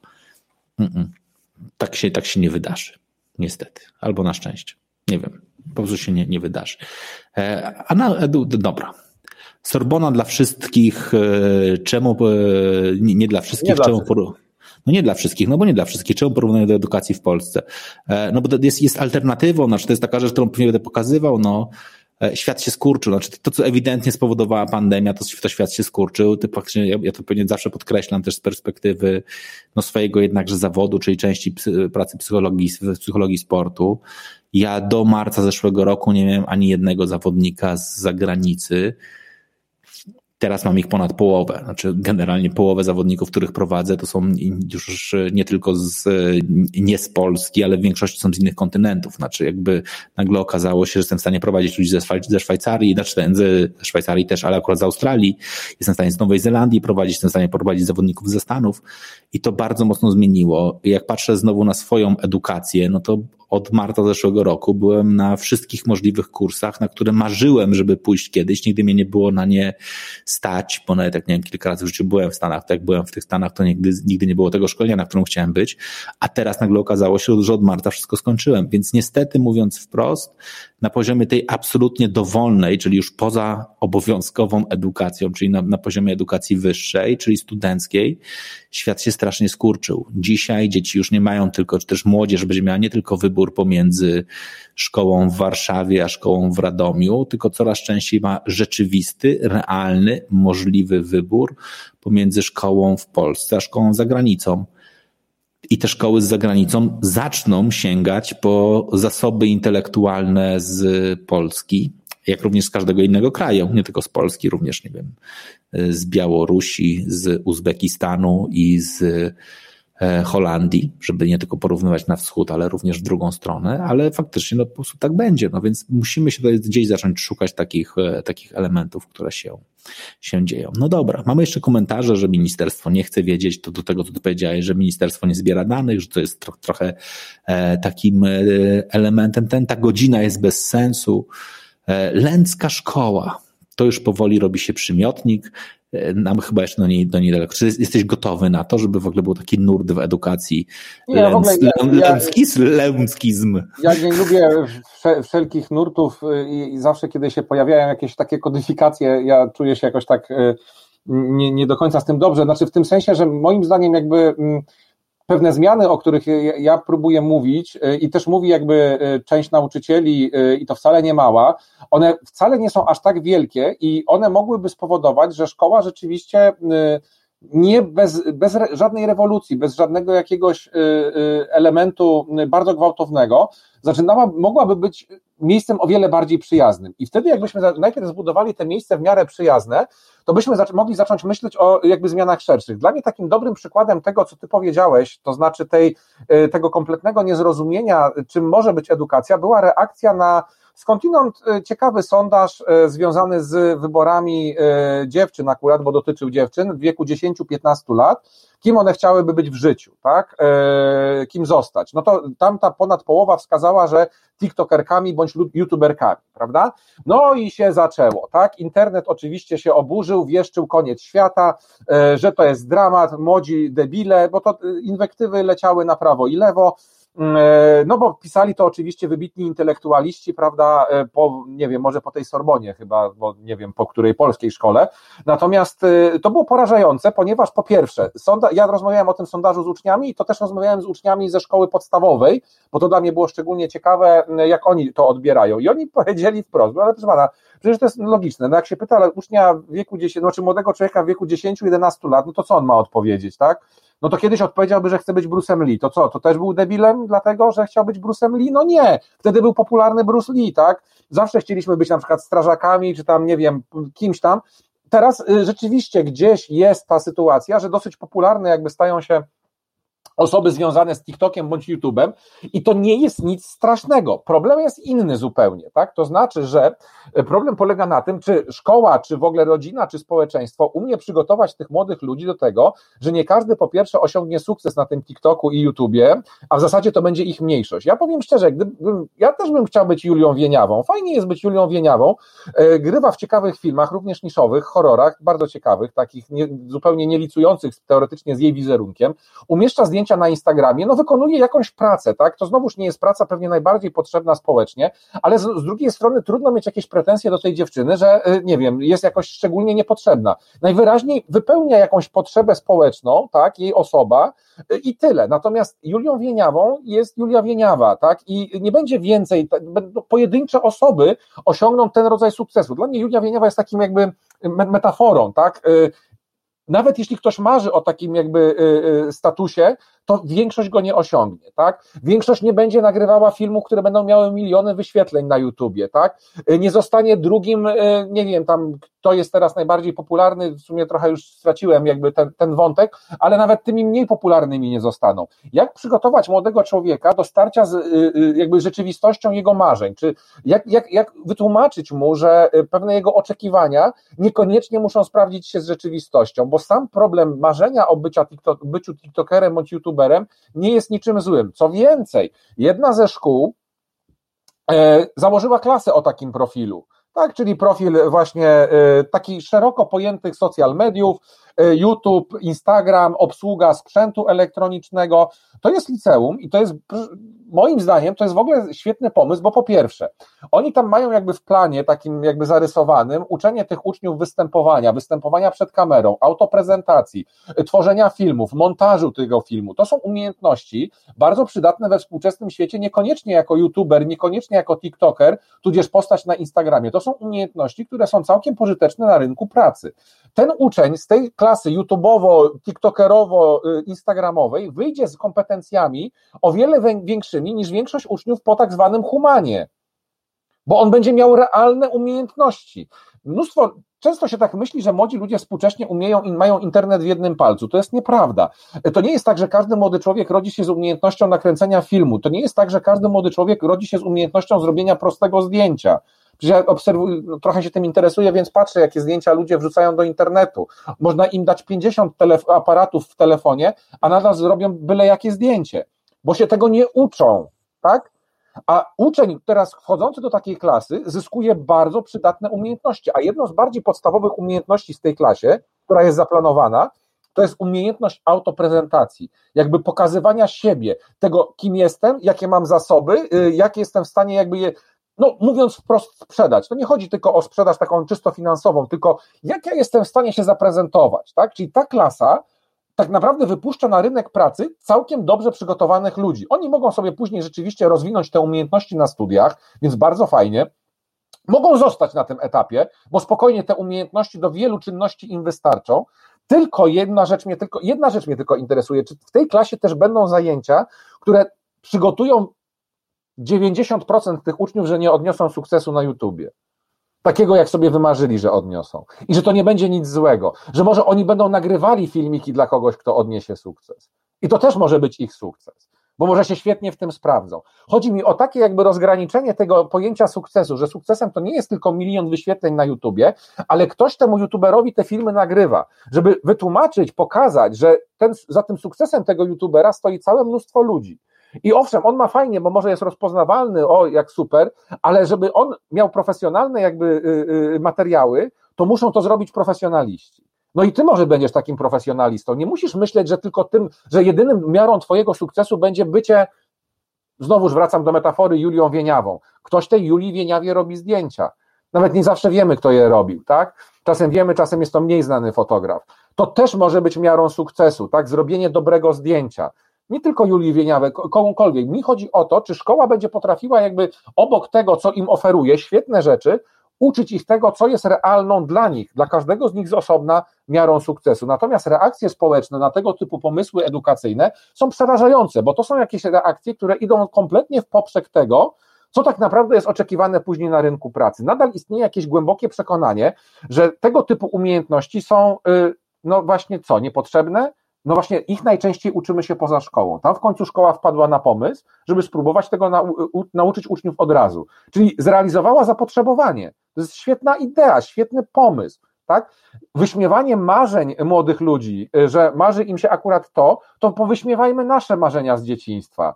Nasze marzenia, jak mieliśmy 10-12 lat, ja podejrzewam, że mogły być jeszcze głupsze, tak już mówiąc najprostszym językiem, niż te obecne bo myśmy nawet mieli bardzo ograniczoną skalę jakby tego, co mogliśmy sobie wyobrażać, tak? Więc nie przesadzajmy z tym ocenianiem młodych ludzi za ich marzenia takie czy inne, tak?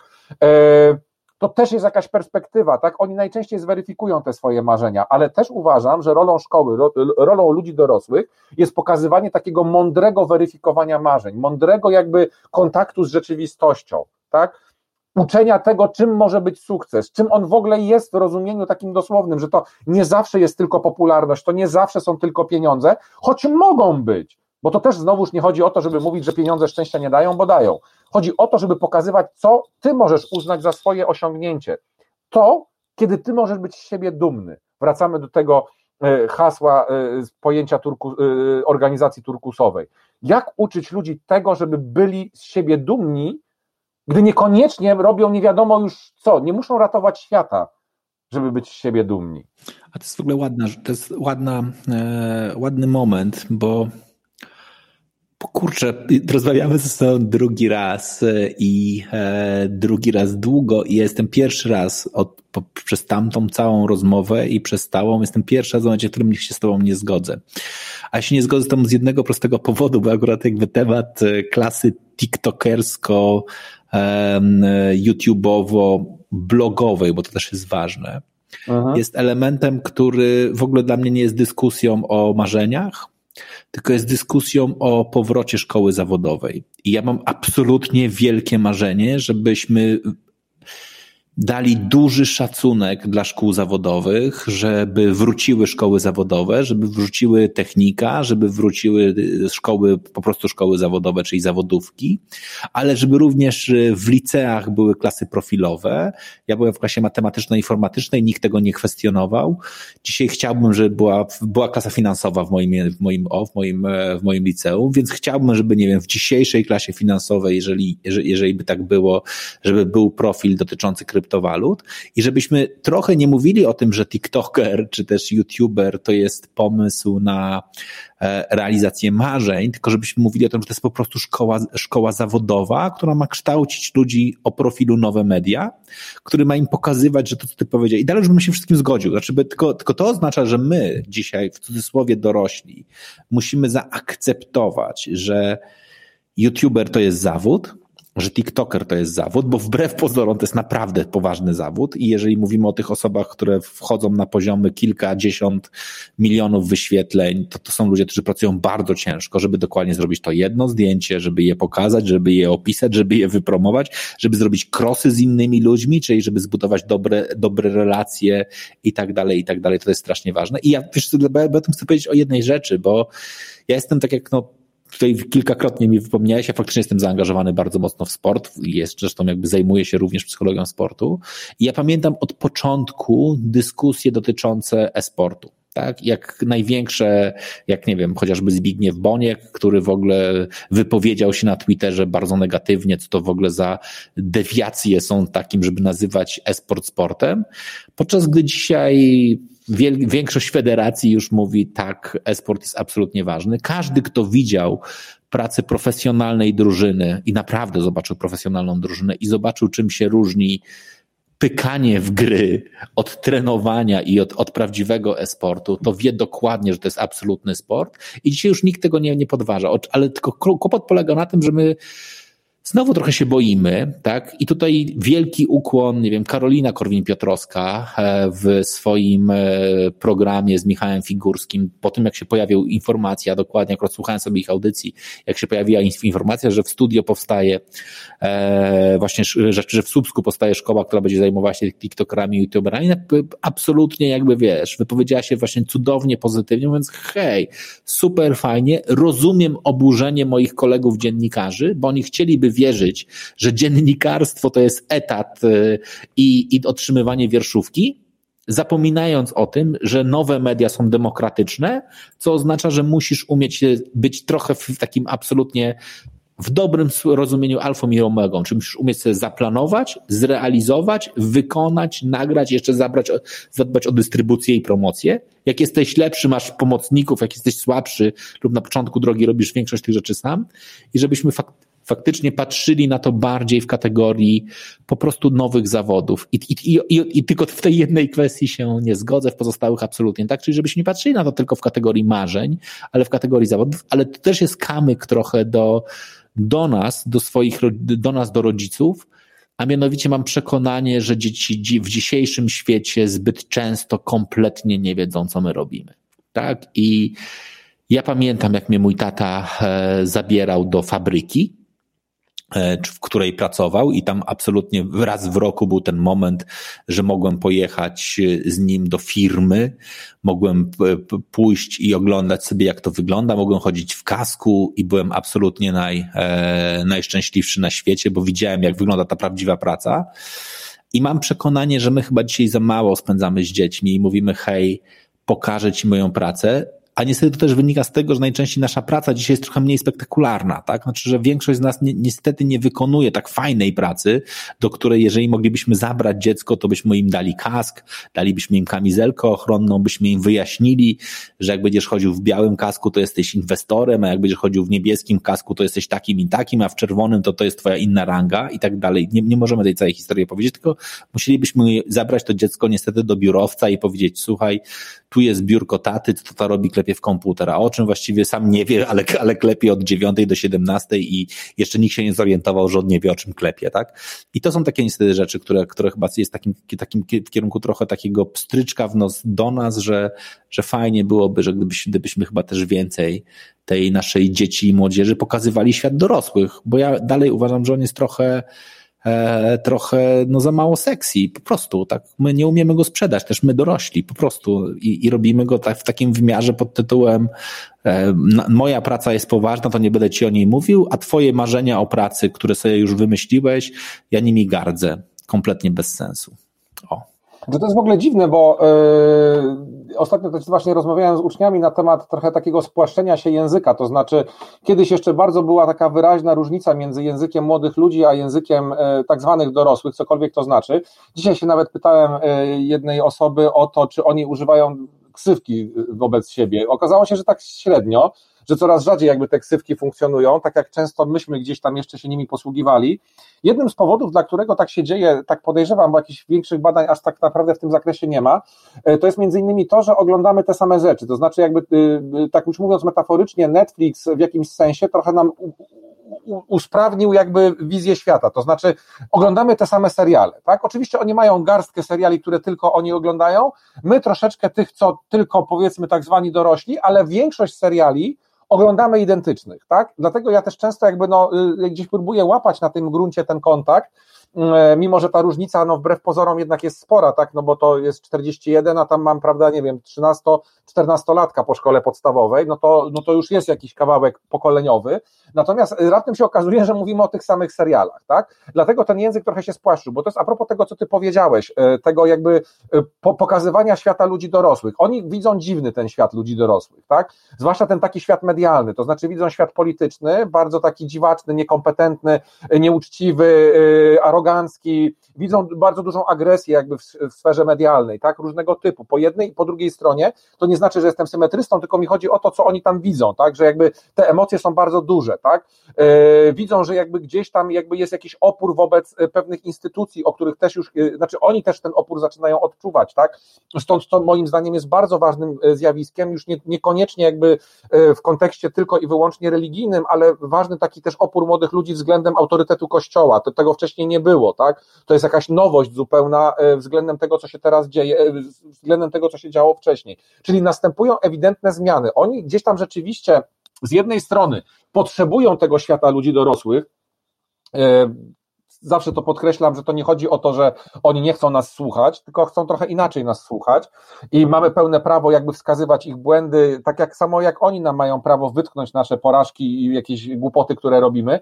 Natomiast yy, bardzo istotne jest to, że yy, gdzieś tam ci młodzi ludzie jakby yy, nie chcą już się zgodzić na takie, takie zupełne bierne jakby odtwarzanie pewnych schematów, tak? To znaczy oni zobaczyli, myślę też ta pandemia troszeczkę jakby tutaj trochę mogła na to wpłynąć, zobaczyli, że ten świat zbudowany przez ludzi dorosłych, on jest y, słabiutki jak domek z kart, tak? To znaczy wystarczy taka sytuacja, w której jakby wszystko stanęło, jesteśmy w jakiejś w ogóle paranoicznej sytuacji, y, mimo już tego czasu, który upłynął, w gruncie rzeczy tak naprawdę nie wiemy, dlaczego tak jest, nie wiemy, dlaczego, co, nie wiemy, co będzie dalej. I oni widzą dorosłych, jakby trochę bezradnych w tej sytuacji, tak? E, bo nie ma gotowych odpowiedzi, a jeśli są, to są sprzeczne często ze sobą, prawda?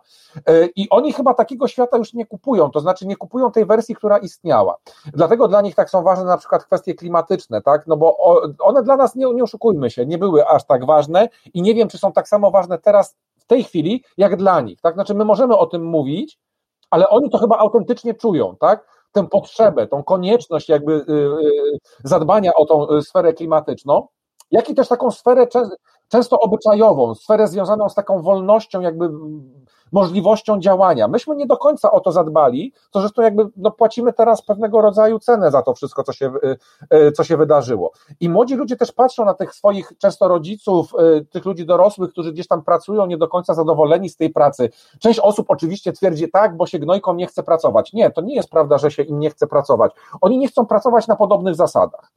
Nie bez powodu teraz przecież już i korporacje zmieniają swój sposób podejścia do pracownika. Ten model jakby zmiany myślenia korporacyjnego, on jak patrząc tak na pewne ogólne przemiany na świecie, on nastąpił relatywnie szybko, to znaczy on był bardzo mocny takiego rzeczywiście wyzysku pracownika, a w którymś momencie jednak pojawiło się sfor, o, chyba tak się nie da, tak? A młodzi teraz jeszcze cisną bardziej, tak? To znaczy nie da się już traktować ludzi jako pewien przedmiot, tak? Który można przesuwać.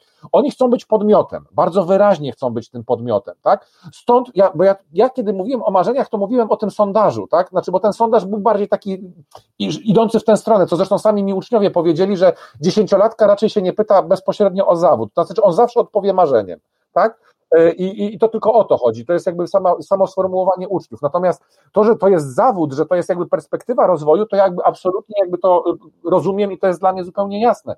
Natomiast oni chcą jakby mm, bardziej niż my, mi się wydaje, żyć na własnych zasadach. Na, nie wcale zasadach, które wszystko wolno, w ogóle zbóżmy wszystko i tak dalej. Nie. Oni mają swoje poglądy, nie zawsze mają rację, co warto zawsze podkreślić, ale y, mają jakiś chyba pomysł na to, co mogłoby jakby powstać. To jest pomysł jeszcze nie do końca ukonstytuowany. Ja trochę się obawiam czasami, yy, może też powiem nawet to tak trochę w poprzek yy, pewnym, yy, będzie to niepopularne. Ja, ja wcale nie jestem największym fanem tego, że yy, tak zwani dorośli na przykład yy, ze strajku kobiet yy, próbują też jakby modelować sposób myślenia młodych ludzi. Ja myślę, że jakby naszą rolą w tej chwili jest takie bardzo ostrożne, jakby y, korygowanie pewnych rzeczy, ale jednocześnie jakby nie narzucanie zupełnie jakby tego, bo znowuż, gdy będziemy narzucali, obojętnie którą z tych wersji, to ci młodzi ludzie znajdą się dokładnie w tej samej sytuacji, w której byli. To znaczy, znowuż te decyzje są podjęte za nich, tak? Znowuż ktoś mówi trochę ich głosem. Owszem, są coraz częściej dopuszczani do głosu, nawet w programach, chociaż to w większości programów nadal jeszcze tego nie pojęto, że jak się rozmawia o edukacji, to warto chociażby dla, nie wiem, przyzwoitości posadzić tam młodego człowieka, żeby chociaż wyglądał, że jest młody.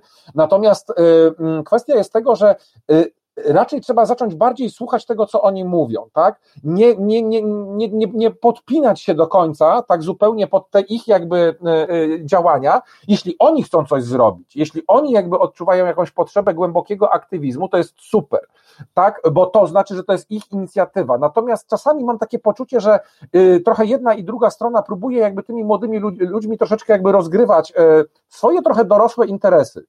Już nie tylko idee, poglądy, y, które są no, mocno jakby y, y, zderzone, ale czasami jakby znowuż zaczyna troszeczkę wykorzystywać instrumentalnie młodych ludzi, bo jest taka pokusa. Młodzi ludzie są bardzo plastyczni, młodzi ludzie są bardzo, mm, e, nie w takim sensie, że są bardzo wpływowi, ale można ich modelować. A chyba mi się wydaje, że współczesny młody człowiek, jakby jeśli coś go odróżnia od tego człowieka takiego młodego wcześniej, jest nie chce być modelowany. E, jeśli podejmie decyzję, to, poniesie, to, to jakby masz, powin, musi mieć świadomość, że poniesie jakieś konsekwencje tej decyzji, ale to będą jego decyzje. Ja bym widział raczej w tę stronę jakby drogę myślenia o młodych ludziach jakby y, obecnych, żeby nie do końca jakby, owszem, towarzyszyć im, dlatego ja używam tego często pojęcia towarzyszenie, tak? Natomiast y, nie modelujmy tych młodych ludzi. Już tyle było tego modelowania, modelowania społecznego, tworzenia pewnego modelu człowieka, który powinien istnieć, że może w końcu warto by było jakby pozwolić, żeby, y, żeby oni jakby zaczęli podejmować jakieś decyzje. E, mają prawo też podjąć błędne decyzje, złe decyzje. Mamy prawo wtedy jakby powiedzieć, to jest decyzja zła, to jest bez sensu, tak? Zobacz, co ty robisz. Natomiast jednak chyba musimy jakby zgodzić się na to, że ta rzeczywistość jest już jakby inna i jeśli ma być w ogóle inna, to musi też być inny stosunek wobec młodych ludzi. I większe przyzwolenie na to, że oni mają prawo do podejmowania decyzji. Bo jeśli tego jakby się nie, nie, gdzieś nie pozwolimy na to, to będziemy cały czas żyli w tej samej rzeczywistości, w której żyliśmy. Bo znowuż my ją zbudujemy. Znowuż my ją ukształtujemy. Czyli będzie tak samo. A skoro nie chcemy, żeby było tak samo, no to kto ma to zmienić? I to jest moim zdaniem po pierwsze fantastyczny moment na to, żeby postawić kropkę w tej rozmowie. Po drugie, to jest taki moment, który mi strasznie mocno otwiera perspektywę, że jeżeli byśmy chcieli uwierzyć w okazję, czy też jakby wykorzystać, uwierzyć, że ta okazja jest, a następnie ją wykorzystać do tego, żeby zrobić zmianę, to ta zmiana faktycznie nie powinna być oparta o nasze doświadczenia, czyli doświadczenia rodziców i doświadczenia nauczycieli, ale wszystkim powinna być oparta o doświadczenia młodzieży, młodych ludzi z perspektywy edukacji. I trochę powinniśmy faktycznie zacząć ich pytać o to, co im się w tym ostatnim roku podobało, czego im zabrakło, co chcieliby zostawić, a co chcieliby wspierać, bo myślę sobie, że tak naprawdę to jest, to jest absolutnie o tym. Znaczy edukacja powinna być o uczniu i powinna być, i powinna być absolutnie o nim, w związku z czym powinna być razem z nim kształtowana e, i, e, i zmieniana. Dzięki bardzo, Paweł, bo mi bardzo miło, że byłeś tutaj razem z nami, że podzieliłeś się swoim, no, bardzo wprost e, wyrażanym zdaniem na temat tego, jak widzisz to, gdzie jesteśmy i gdzie chciałbyś, żebyśmy byli. Dzięki bardzo. To ja bardzo serdecznie dziękuję i przepraszam za moje gadurstwo straszne. Ono jest piękne i na, na, szczęście nie tylko podoba się mi, ale podoba się pozostałym osobom, które ci często to pewnie też w komentarzach e, wrzucały, że ciebie po prostu można słuchać godzinami, można cię czytać na co dzień e, godzinami, jak ktoś wolno czyta i minutami, jak czyta szybciej, e, a w takich momentach jak dziś można cię bardzo fajnie słuchać. Dziękuję ci bardzo. Dziękuję bardzo. A ja Was zachęcam teraz do tego, żebyście też, jeżeli jeszcze tego nie zrobiliście i byliście z nami na żywo, udostępnili tę audycję pozostałym osobom. Możecie w tej chwili też nas zasypać e, liczbą, dużą ilością e, tych reakcji e, w postaci emotikonów, czyli wysyłać nam kciuki w górę, uśmiechy lub wr, jeżeli Wam się podobało mniej. A jeżeli słuchacie tej audycji już z pewnym, no, opóźnieniem, czyli słuchacie jej chociażby na podcastach, czy właśnie na wspomnianym już w dzisiejszej audycji YouTubie. Pamiętajcie o tym, żeby też dać komentarze, dawać gwiazdki i generalnie dzielić się z nami oceną, bo ocena, czyli informacja zwrotna, jeżeli dopiszcie również nie tylko dacie gwiazdkę lub kciuk w górę lub coś innego, dacie jeszcze komentarz, jest elementem rozwojowym, czyli pomoże nam realizować w przyszłości lepsze audycje. Bardzo Wam za to dziękuję i bardzo Was za to proszę. Raz jeszcze Tobie, Paweł, dzięki bardzo, że znalazłeś czas, żeby być z nami. Dzięki bardzo. Do zobaczenia.